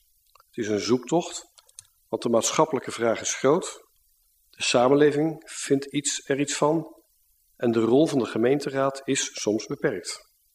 Maar we gaan hierover binnenkort, ook als raad, met elkaar, ook in het openbaar met elkaar in gesprek. U bent hier vanavond om iets mee te geven over het idee om bij de Open Hof vluchtelingen op te vangen. Het college liet u twee weken geleden via een brief weten mee te zullen werken aan het onderzoek naar de Open Hof of een opvanglocatie op deze plek haalbaar en wenselijk is. En een belangrijk deel van het onderzoek is het verzamelen van de input uit de wijk. Ik heb u vanavond goed gehoord. Meningen, zorgen, suggesties, vragen. U mag ervan uitgaan dat de Raad erop toeziet dat het college hier vanavond ook aanwezig alle input meeweegt en zorgvuldige afwegingen maakt. En zodra er meer duidelijk is over het plan en de technische haalbaarheid ervan, u zei er al iets over, dan gaat het college u uitnodigen voor een gesprek, zodat u met elkaar op concrete onderwerpen kunt ingaan. En ik wil er als burgemeester een toevoeging aan doen en ik weet dat ik ook namens uh, vertegenwoordigers van de raad spreek. Ik wil een oproep doen aan de samenleving. We leven in een democratie en daar mag iedereen zich uitspreken. Het is een groot goed dat we dit in een veilige context kunnen doen. U hoorde mijn interventies. Welk standpunt iemand ook heeft, we moeten respect hebben voor het van mening kunnen verschillen. Laten we de argumenten wisselen, Laten we goed naar elkaar luisteren en laten we al die input wegen en de basis zijn voor besluitvorming. Samen zijn we Soest en juist het respect voor de ander is waardevol en laten we dat vooral zo houden.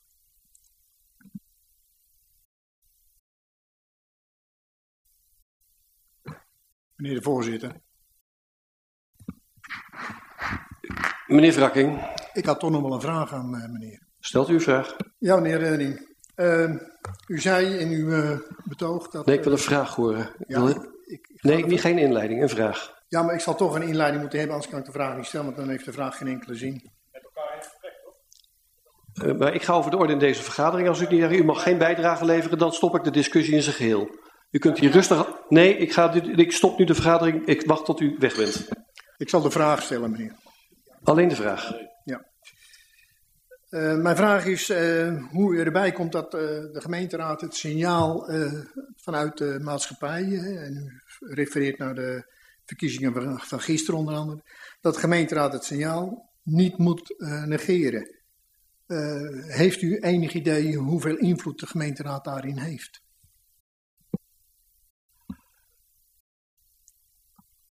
Probeert u het antwoord te formuleren? Het is een breed gestelde vraag, zeker, stel ik maar als voorzitter nou, vast. Uh, ja, zeker. Ik sta hier uh, na, namens de omwonenden en de buurtbewoners. Uh, ik heb samen met mensen deze tekst eh, eigenlijk ja, opgesteld, als het ware.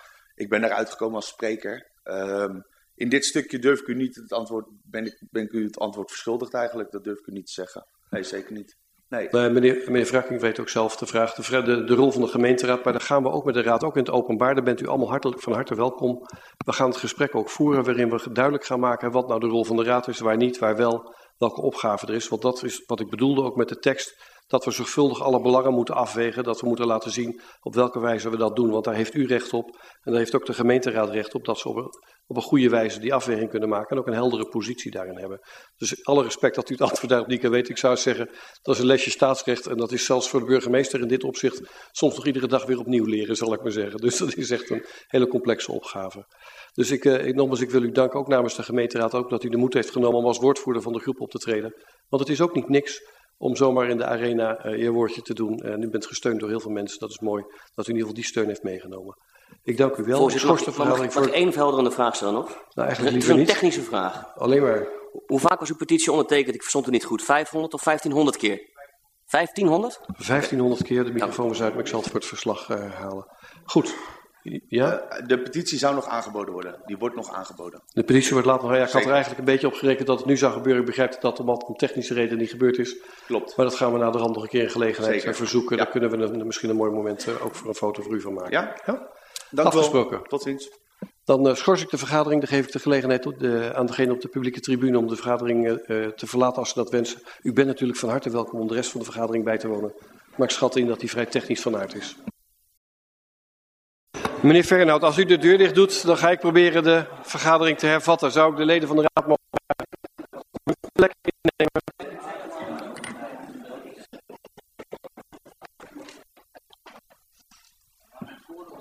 Dank u wel. Dan verder met de agenda.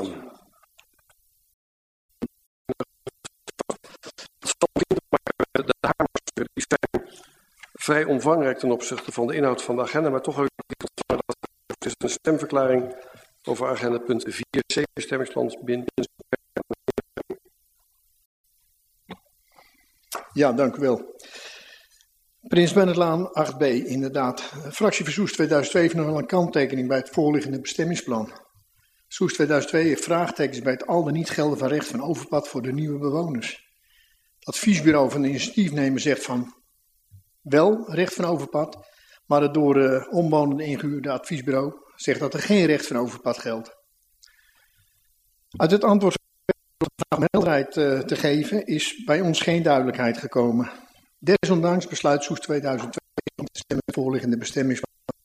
Dat volgens de verwachting de in dit verschil. Dank u wel. Dank u wel, meneer Vrakking. Hebben anderen nog behoefte aan een stemverklaring? Dat is niet het geval. Zijn daarmee de hamerstukken